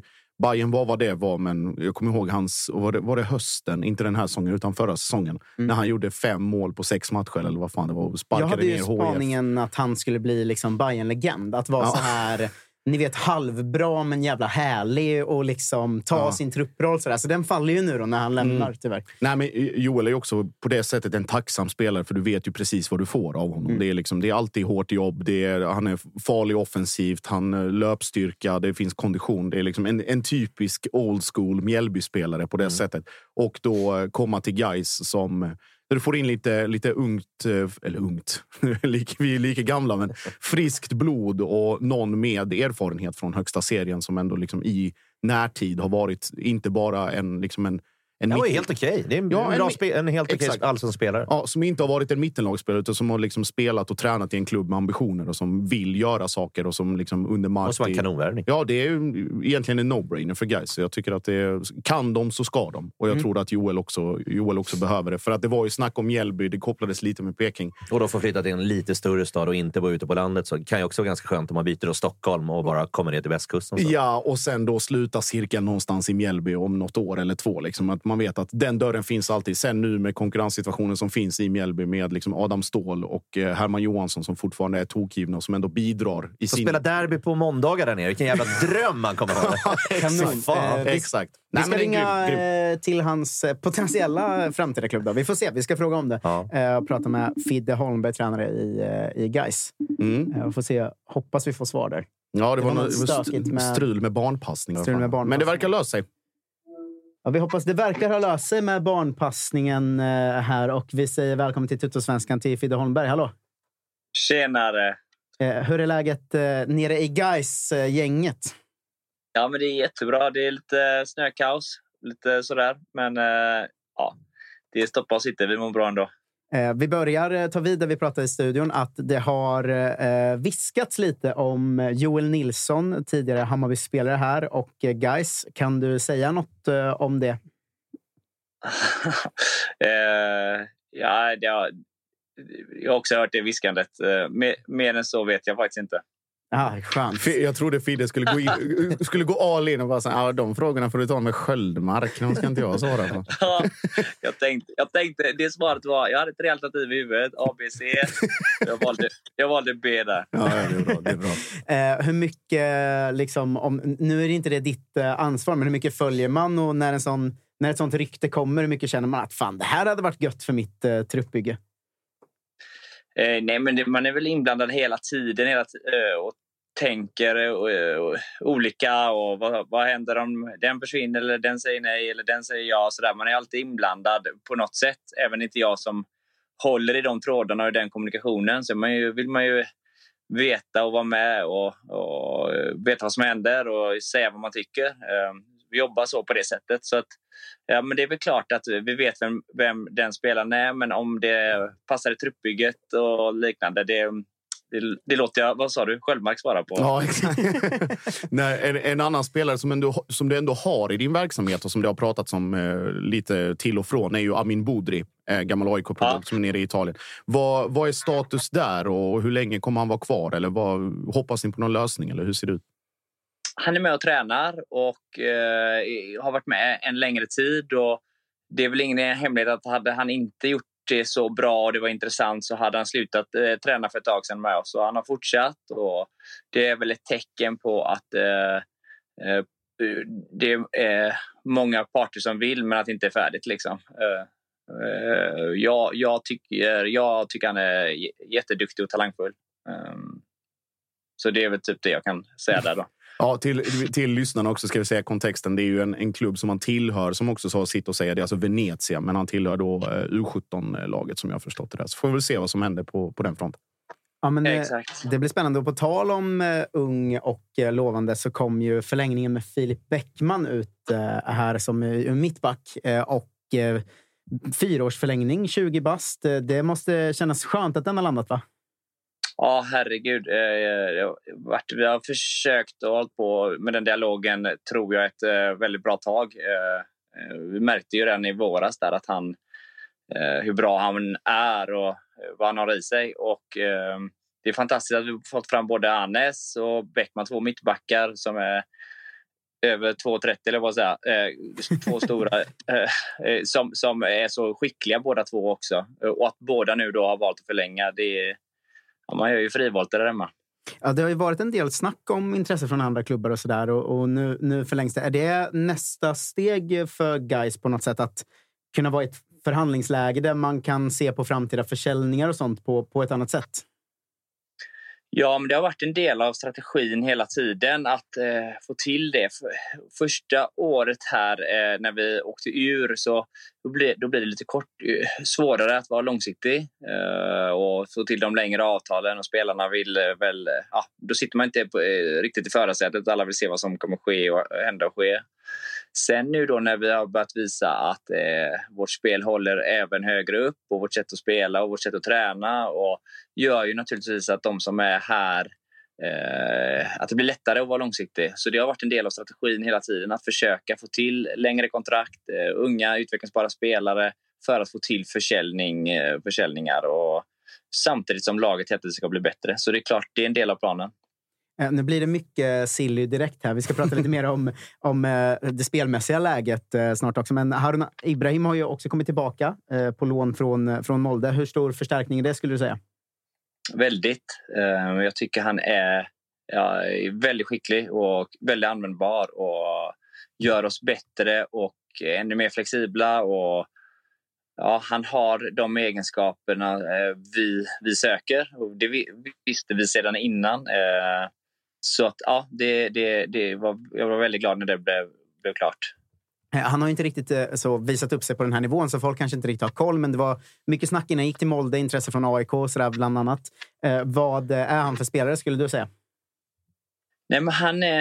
Eh, ja, det låter konstigt att säga en modern spelare, alltså, men, men det är just vad han är när man tänker att vilja ta bollen framåt, att på egen hand kunna Eh, Eh, slå lagdelar både med passningar men framför allt också då med att tempoväxla och vända om snabbt och eh, ta bollen över sträckor. Och, eh, han har ett jäkla mod och han är en härlig eh, fotbollsspelare att titta på. Man blir glad av att se han spela. Eh, han kan också då samverka bra med de andra. dessutom har han en löpförmåga som är enorm. Han, hans uthållighet. Ja, han jag, jag, vill säga att i topp, jag tror han är fortfarande i topp. Vi har inte, vi har inte testat oss ännu, men jag tror han är i topp i laget. Eh, det skulle vara August Engberg som kan vända sig och, eh, eller mäta sig. Vi får se det. Men ja, snart ska de få tävla i det. Du nämner Wängberg. Det var en ganska naturlig övergång för mig. För vi pratar om liksom de här två förlängningarna med både med Annes och med, med vad heter han, Bäckman. Ja. Ja, eh, och vi, Agge Wängberg, Harun som har varit i er verksamhet tidigare och sen ett par andra spelare, till exempel Axel Norén som ändå varit liksom med i Guys under den här resan tillbaka till allsvenskan. Vad, vad är det för liksom kultur och identitet och eh, vad, som ni försöker bygga? Eller vad är det du försöker hamra i spelarna nu när det är en, en helt annan, ett helt annat sammanhang och en helt annan kontext än vad det var i, i superettan och division 1 i termer av press, media, intresse och så vidare? Ja, nej, men det är klart att eh, eh, vissa, vissa förlängningar och vissa saker Eh, handlar ju om det andra vi pratade om innan. Att eh, få till utveckling och kanske få till försäljning och, och, och liknande. Men, men, man behöver också ha de här fanbärarna, kulturbärarna i form av Agge, Mervan, Jonas som vi har eller, och även ett par till. Då, så man får den mixen. Eh, också är det byggt, hela, hela det här laget är byggt lite på um, hunger och driv. Eh, folk som älskar att träna, eh, folk som vill bli bättre, eh, som kör lite oavsett vad. Även det är tufft och det kommer vara tufft. Vi, får, vi vet inte riktigt. Vi har inte spelat borta mot eh, Hammarby, AIK, Djurgården eh, här de, vi i gruppen nu. Gais har gjort det som klubb såklart, många sådana matcher. Men vi har inte gjort det och eh, vi har respekt för situationen. Men jag känner samtidigt att killarna är mentalt jäkligt starka och hungriga och eh, Eh, redo för, för, att utvecklas under det här året att, och klara sådana uppgifter. Mm, jag tänkte på, på just den biten. Alltså så att det, det, blir alltså guys med sin historia och allt det där och sen då komma till de här stora matcherna igen. Och det tog lite vid det jag pratade om innan. Alltså vi var, eller, när vi sökte dig igår så var du och spelade in liksom startelvan med Discovery och sen har jag kollat på vad så här, försäsong play i Guys TV och så liksom första dagen på träningen och du smiter in där och du bara här. åh fan, det är kamera första dagen direkt och hela, hela den grejen. Hur, eh, hur pratar du med spelarna om det och hur förhåller du till dig själv att det kanske inte är bara en, två reportrar per träning utan nu kanske det kommer fyra, fem stycken istället och det är intervjuer här och, och där. Ja. Nej, man märker hur jag, eh, man har hunnit bli varse att det är en jäkla skillnad och ett, ett, eh, ett, ett större intresse. Eh, vi tycker det är roligt. Det är därför vi håller på väldigt mycket också för det här eh, press, att få, eh, när det ställs på sin spets idrotten och det blir lite mer pressat så är, och det är väl helt fantastiskt att ha ett jobb som folk bryr sig om. Eh, så det är skitroligt. Eh, men, men det är klart att vi måste vara förberedda för det är inte alltid eh, det går så bra som det har gjort för oss. Och vi måste vara förberedda på det. Så det är väl mer att Eh, angripa det. Vad, vad, är, vad är egentligen vad? Eh, vad är vardagen? Vad, är, vad begärs av oss som ledare, som spelare varje dag oavsett eh, hur, vad som skrivs, vad som sägs och, och ha de typen av grupputvecklingssamtal. Det är väl någonting vi hela tiden försöker ja, vara förutseende i. Ehm, men men ja, den första tiden nu har det väl fått handla väldigt mycket om att, att vänja sig vid det nya. På det sättet. Mm. Eh, vad skulle du säga är, eller vad du tror, då, nu är du i ett sammanhang så det är svårt att veta om de andra, men eh, fördelar och nackdelar med att komma upp och ändå vara en sån klubb som, som Gais är, som när ni går upp så är vi många som tycker det är kul att guys kommer tillbaka. Och, eh, vi minns eh, matcher på idrottsparken där hela klacken visar röven och man känner att nu, nu kommer galna, härliga gamla guys upp igen. Vad tror du gör för skillnad att faktiskt ha den historien och att bli någon extra press? Att eh, det kommer extra mycket supportrar tillbaka? Eller hur, hur ser du på det? Nej, det är på något sätt en, en gör oss tryggare att ha eh, den stöttningen. Det gör oss ännu tryggare, ännu starkare och ger oss ett ännu större självförtroende skulle jag säga. Eh, är det några som har varit där innan och är van vid detta så är det våra supportrar och våra fans. Eh, på något sätt eh, eh, vis, visar de vägen. Och vi är helt, det är fantastiskt att eh, så många vi har fått så mycket av det. att eh, Nu är de tillbaka och alla eh, känner att eh, det är något, någonting på gång och att eh, vi blir välkomnade av hela fotbollssverige. Det är ju en häftig känsla eh, och det är ju tack vare våra supportrar väldigt mycket som ja, eh, galna, hängivna men helt, helt fantastiska. Så att det är klart att eh, vi är här för att hjälpa till att eh, göra allsvenskan ännu mer intressant och fortsätta sätta färg på en fantastisk serie som vi har. Visa vägen genom att visa röven, brukar ni säga. Allt, allt är till Häcken. Precis det jag skulle säga. Eh, Jag tänkte vi ska snart släppa dig och låta dig jobba vidare med försäsongen här. Men vi undrar lite hur, hur ser försäsongen ut för er? Är det något eh, läger eller vad har ni för, för upplägg nu fram till eh, Svenska cupen drar igång? Ja, eh, mycket träning. Mycket, mycket träning. Eh, vi har testat på lite andra typer av, av fyspass. Eh, jobbar med kroppen på lite andra sätt. Så det, eh, vi försöker öka upp vår dos och göra oss starkare och, och ännu bättre förberedda. Eh, sen blir det eh, ett läger här i slutet av eh, januari, början av februari den veckan. Det var till eh, Spanien, eh, Albir. Eh, Inga mer frågor kring det geografiska läget. Jag kan bara Albir. Så har jag tänkt. Eh, och där blir det väl förberedelse på ett sätt som vi inte är vana. Vi har inte varit på läger, tror jag, i Gais. Inte under min tid i alla fall. Eh, utomlands. Vrånge, om jag får skryta lite, så var det, det, det längsta. Men nu, nu, nu växlar vi upp lite då och åker, till, och, åker dit. 2018 tror jag eh, Gais var på träningsläger. Eh, men det, bara det kommer ju svetsa oss samman och göra oss starkare, tänker, tänker vi. Eh, Så det gäller att utveck- utnyttja den tiden väl och komma upp som grupp då och jobba på saker kanske, som du kanske inte gör i det vädret som är just nu här. Känns som det kommer vara en riktig Sällskapsresan-vibe på guys i Spanien. Alltså. Ja, men- får se. Det, ja, det ska bli jävligt ball i alla fall. Jag ser, bara, jag ser bara framför mig såna specialbeställda såna Suntrip-mössor eller tröjor. Och så, så här, kommer guys ner med en trupp på 30 gubbar och så är det 800 supportrar. Äh, fan, jag har tagit ledigt men jag skulle varit på Arbetsförmedlingen i morse. Herre jävla vad varmt det är! Eh, Hörru Fidde, det är alltid en ära att snacka med dig och vi önskar dig stort lycka till så hörs vi snart igen hoppas jag. Ja, underbart. Eh, kul att vara med. Ta hand om dig. Hälsa alla. Det ska vi göra. Hälsa, hälsa Stockholmsfotbollen. Det ska vi Det ska vi göra. göra. Ha det fint. Hej. Vi kommer snart. Vi kommer snart. Ja, det är bra. Ha det. Ha det Fidde. Inte ens Malmö som, eh, som någon gäng som var kul att möta. Utan bara Stockholmsgängen som var kul att komma upp. Ja, men han vet ju också att eh, de två matcherna är ju noll poäng, så det är klart att du nämner dem. Kan ju ändå skaka Djurgården och kanske sno en, eh, ett par pinnar från Bayern också. Så det är inga, inga konstigheter så. Innan vi, vi ringer ner till Norrköping och Ismet Lushaku som säger att han är redo för samtal så ska vi också säga att vi gör eh, Tuttosvenskan tillsammans med våra vänner på Vitamin Well. Och eh, det har ju släppts tidigare i veckan den här eh, specialutgåvan av en, eh, en dryck. Vi har den faktiskt i studion. Det är inte den tapp, jo, det är den Tapper visar i bild. Det är alltså ett samarbete med Dejan Kulusevski. Eh, och det är inte bara att eh, drycken är god och eh, väldigt bra på alla sätt, utan det finns också andra incitament att eh, lyssna lite extra noga för att eh, vi kommer låta ut tillsammans med Vitamin Well en resa till London där man kommer få se Dejan live då och hans Tottenham.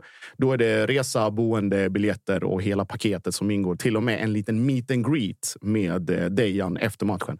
Och Som man- jag inte kunde vinna fick jag lära mig. Det var Nej, tråkigt. Precis. Vi som, vi som gör reklam för tävlingen får ju tyvärr inte vara med i den. Så att det blir väl ännu, ännu större incitament att inte bara vinna utan att också räcka, räcka ett eh, verbalt eller ett eh, figurativt långfinger till någon av oss när man sitter i London och mår bra.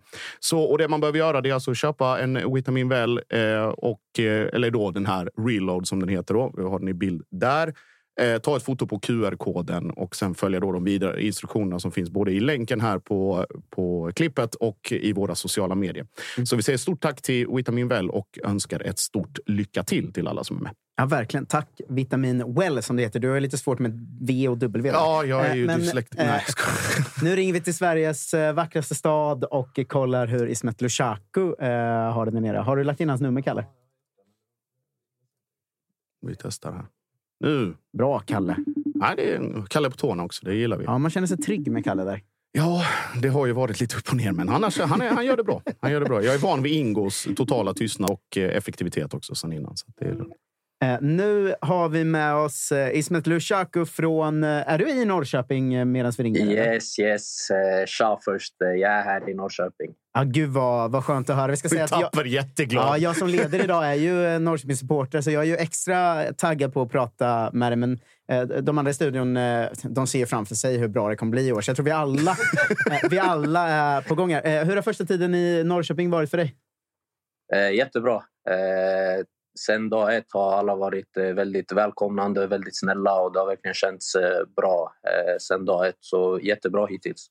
Du har fått mycket, det här vet jag inte om du sett själv, men mycket kärlek för att du tog med dig morsan och farsan till liksom, eh, pressfotograferingen när du blev, blev klar för Norrköping. Det, det läckte ju ut någon dag efter bilden där du, när du stod där med mamma och pappa också. Eh, så, så du är liksom omtyckt som en gullig figur redan.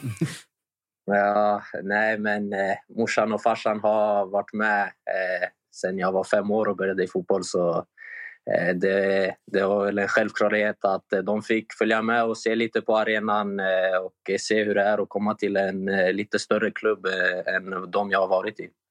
Eh, på tal om, vi kan ju ta vidare, för att vi pratade ju direkt när Varberg lämnade allsvenskan, eller när det stod klart om att eh, ja, men Lukaku är en av spelarna som kommer hamna i en annan allsvensk eh, klubb. Hur kommer det sig att det blev Peking och fanns det mycket annat intresse? Jag ska säga att det var väldigt många klubbar intresserade när säsongen väl tog slut och många klubbar som var med i bilden ganska länge. Men det kändes rätt, om jag säger så, ganska tidigt med Norrköping. Eh, jag var liksom här, fick se arenan och fick känna på lite hur det, var, hur det är att vara här. Pratade med Tonna ganska mycket. Eh, och det kändes som att eh, det här eh, känns mest rätt av eh, det jag hade efter säsongen. Och det, magkänslan var bara att ja, absolut, det här, är, det här blir ett jättebra äventyr och jag får komma till en väldigt professionell klubb som jag tror att jag kommer kunna ta ytterligare kliv i min utveckling också. Det har ju varit några röriga år i IFK Norrköping. Hur såldes framtiden och projektet in till dig? så att säga? Uh, nej, men väldigt bra. Uh, jag vet ju om det själv. Jag brukar kolla väldigt mycket allsvenskan uh, och det har ju varit ja, rörigt om man säger så. Men allt kändes väldigt bra med vad de ville ha för ny tränare och eh, vad de ville spela för fotboll. Eh, och eh, ja, det, det var ganska enkelt val sen till slut ändå. Vi gjorde ju en intervju, jag och du Ismet, för hundra år sedan. Det känns som ett annat liv. Eh, du, du, då sprang du runt i, i AFC Eskilstuna och jag jobbade på kvällstidning. Och eh, sen dess har det hänt, hänt en hel del, i, framförallt i din, eh, i din fotbollskarriär. Hur, eh, liksom, hur skulle du beskriva den här tiden fram till att du blir Peking? Jag tänker på Varberg och sen lite AFC och, och så där. Och sen då landslagsspel med, med Kosovo också. Hur, eh, vad, vad är det för spelare eh, Peking kan förvänta sig, eller Peking-supportrar kan förvänta sig att se nu? Nej, men eh, jag skulle säga att förut var jag ganska mycket en, ja, men tia har jag alltid varit sedan jag var liten och kommit upp till A-laget och fått lära mig ganska mycket det defensiva direkt i AFC. Sen eh, utvecklas ännu mer i Varberg, speciellt eh, med just det defensiva. var ganska defensivt lag och kanske inte spelade just den fotbollen eh, jag eh, gillar att spela. Men eh, det var eh, några lärorika år eh, för mig, både som eh, person och eh, på fotbollsplanen.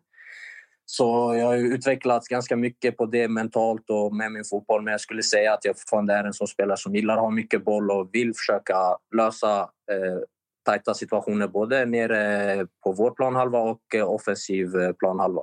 Mm.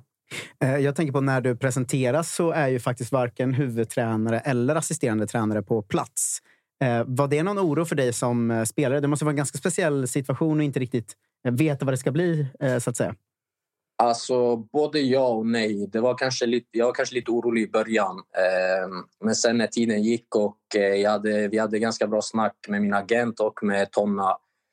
Och Tonna berättade ganska mycket om vilka tränare det var och eh, vad de eh, vill ha av just de här tränarna. Och att eh, det liksom, de ska följa det klubben vill nu. Och, eh, så det, jag var inte så orolig. så. Jag visste att jag kommit till ett lag där de har en bra, bra bild på hur de vill spela fotboll kommande åren och då kommer de säkert eh, hämta in en tränare som vill spela just den fotbollen också.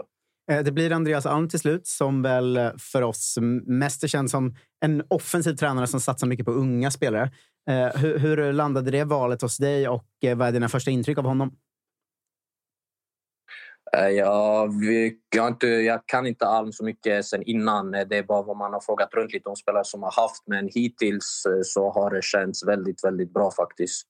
Verkar vara en väldigt kompetent tränare och bra bild på hur han vill spela fotboll och det har varit högt tempo och bra kvalitet på träningarna. Så det har känts jättebra hittills. Eh, du kom in på en position som är en av, enligt mig, de få positionerna i IFK Norrköping där det faktiskt finns ganska eh, fin konkurrens just nu där saker är på plats. Vi har eh, dig, Ceesay, Traustason, Vito, ett par unga spelare som knackar på de centrala mittfältsdörrarna. Hur ser du på den konkurrenssituationen och dina chanser att slå dig in som en, som en startspelare snabbt där?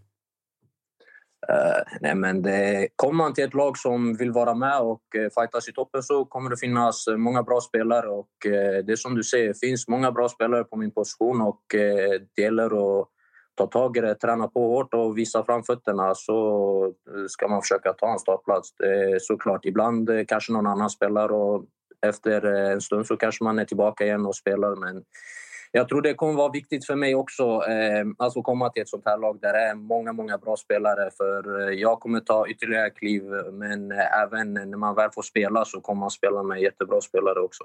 Eh, klubben har ju pratat mycket om den generationen som är på väg nu med 17, 18, 19-åringar som, som gjort det bra i ungdomsleden och sånt. Har du imponerats av de unga spelarna eller hur? För oss som om man ska snällt säga att vi har haft tränare som inte visat upp dem så mycket då för oss eh, supportrar. Eh, hur ser de unga spelarna ut så här för, efter någon vecka in i, i försäsongen, tycker du?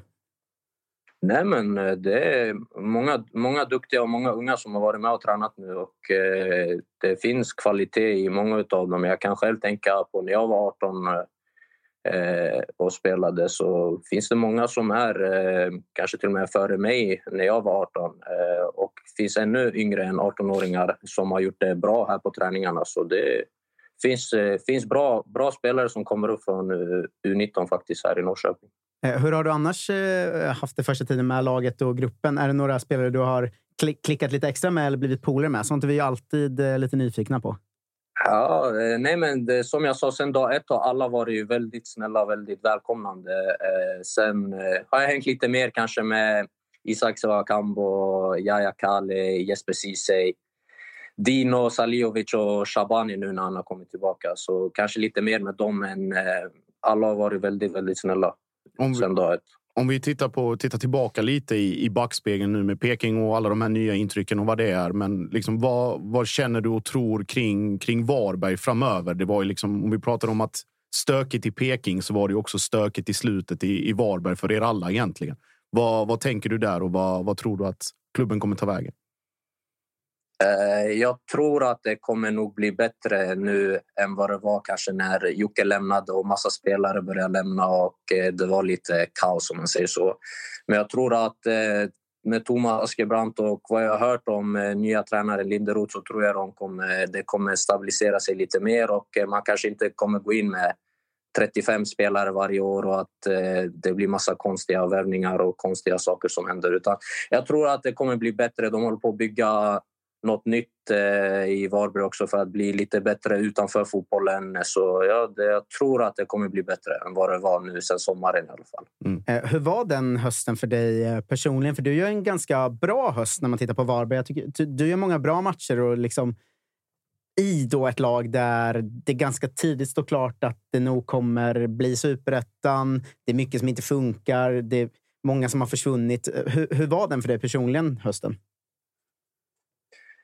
Ja, det kanske var lite tråkigt där i början när spelare började lämna. Jag hade själv chansen och att jag hade också kunnat lämna eh, då men valde för min, mitt egna bästa att stanna och försöka göra så bra matcher ifrån mig som möjligt. Eh, det var tyvärr, som du säger, nästan typ, eller helt klart eh, tidigt att vi är uträknade och vi säljer bort spelare och att det kommer bli jättetufft. Men eh, jag visste att eh, jag behövde de där matcherna och jag behövde visa upp mig eh, ännu mer än att ta kanske ett steg till ett, ett annat lag som precis klarar sig kvar typ i allsvenskan eller något skumt land någonstans ute i Europa. Så jag krigade på. Jag ställde in mig på att okej, okay, vi kommer att ha det jättetufft men det är upp till mig nu att försöka göra så bra matcher som möjligt. Och eh, gjorde några bra matcher ändå mot eh, några bra lag Eh, även om vi kanske inte spelade så mycket fotboll så försökte jag visa eh, vad jag var bra på. Då. Mm. Eh, jag tänker, vi, vi är i en tid där det går fort nu. Det är ett läger och sen kommer kuppen igång och sen är det allsvenskan. Um, I och med de säsongerna Norrköping kommer ifrån så känns det ju lite lite osäkert överlag. Vad siktar man på? Ungefär hur bra är man? Eh, vad har ni pratat om internt? Har ni börjat prata om ja, men mål med säsongen eller eh, sådär? Eh, vi har inte riktigt haft något eh, möte så där vi har pratat om mål och målsättningarna än. Men eh, jag tror att vi kommer vilja vara med i alla fall och fightas där uppe. Hittills har det varit bra kvalitet och bra tempo. Och, Alm och Valentic också, som bara har varit här några dagar, känns väldigt kompetenta och bra tränare. Och jag tror att vi kommer kunna kanske till och med chocka ganska många eftersom det har varit lite, lite två jobbiga år. Men jag tror att vi kommer kunna vara ett väldigt bra lag. Det finns mycket kvalitet i den här truppen. En, en, personlig fråga också. Jag tänker, hur skönt är det att slippa dela omklädningsrum och vardag med Oliver Stanisic från och med nu? Nej, faktiskt. Det, jag saknar Oliver eh, jättemycket. Eh, det var min gubbe faktiskt i Varberg. Eh, så jag saknar väldigt mycket.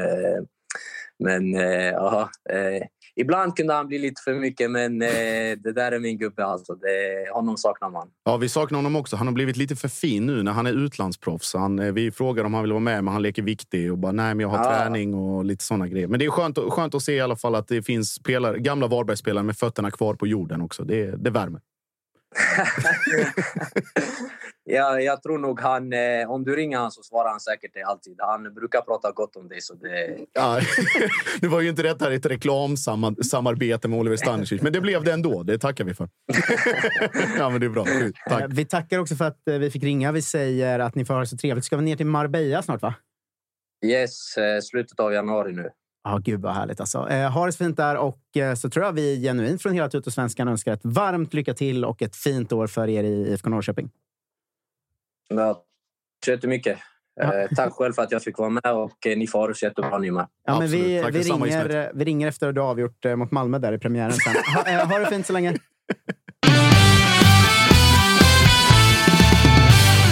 Jag har ett, eh, ett, eh, tips till alla supportrar som lyssnar här. Jag kollade upp det igår. Nästan alla lag ska ju till Spanien och Marbella och allt vad det är på liksom de här lägren. Sista minuten-resor alltså. Fyra nätter för två åtta med liksom flyg och hotell. Eh, det är ett tips till alla supporter till alla lag. Det är fan billigt om man kan komma iväg. Alltså. Mm. Jag kan också tipsa om att när du ska, om man då är sugen på riktigt att åka på de här resorna så sök på dem i inkognito-läge i datorn så sparar det inte, sparas det inte massa cookies och så stiger priserna med tre lax på en eftermiddag för att det är hög efterfrågan. Så att, mm. mm pro-tip där från eh, Eh, resebokare Landén givetvis. Mm. Mm. Och vill man åka på resa redan nu kan man bara åka till Grimsta på lördag och kolla på när Djurgården spelar i typ 40 minusgrader. Så det blir termobrallor och extra trippla, dubbla strumpor och allting. Så att, eh, otroligt kul att fotbollssäsongen drar igång. Och folk vill ju att vi ska lira på ja, men konstig höstvår istället. Då hade vi lirat nu ute nu. Mm. Fan snöstorm här utanför. Värdelöst. ja, det är dumt. Min, min hund fick jag värma fan förfryst pungen igår. Det var ju fruktansvärt obehagligt. Och det var därför du alltså inte var med på den här middagen. ja, exakt. Ja, ja, ja. Exakt. Hörni, svängigt avsnitt av uh, Tutto som alltid. Som alltid. På, på fredag ska vi ringa Krasniqi i Elfsborg. Mm, och, eh, se hur, hur läget är där nere. Vi kommer snacka mycket Sirius också, tror jag. De mm. har ju rekordförsäljningar och allt eh, vad de håller på med eh, där borta. Eh, Kalle, har du haft det bra idag? Mycket bra. Mycket bra. Du, chatten sköt sig. Jag sänker mig själv. Mm. Mm. Ja, de... jo, men det tycker jag de har gjort. Tycker ja. de har gjort. Mycket tycker... malmöiter i chatten idag. Ja, det är bra. Det är mm. glädjande. Jag tycker chatten har liksom slowstartat det här året lite. Det är lite ja. mindre hat och hot mot uh, studion och sånt, av mm. vad, jag, vad jag har sett. Så det, ni får ju också skärpa er och komma i matchstämning uh, snart. Mm. Uh, tack för idag, Wilberg. Tack. Tack Josip. Tack själv. Eh, och från oss alla, fuck you Elfsborg. Vi Visa ses på fredag. Visa inte MIF.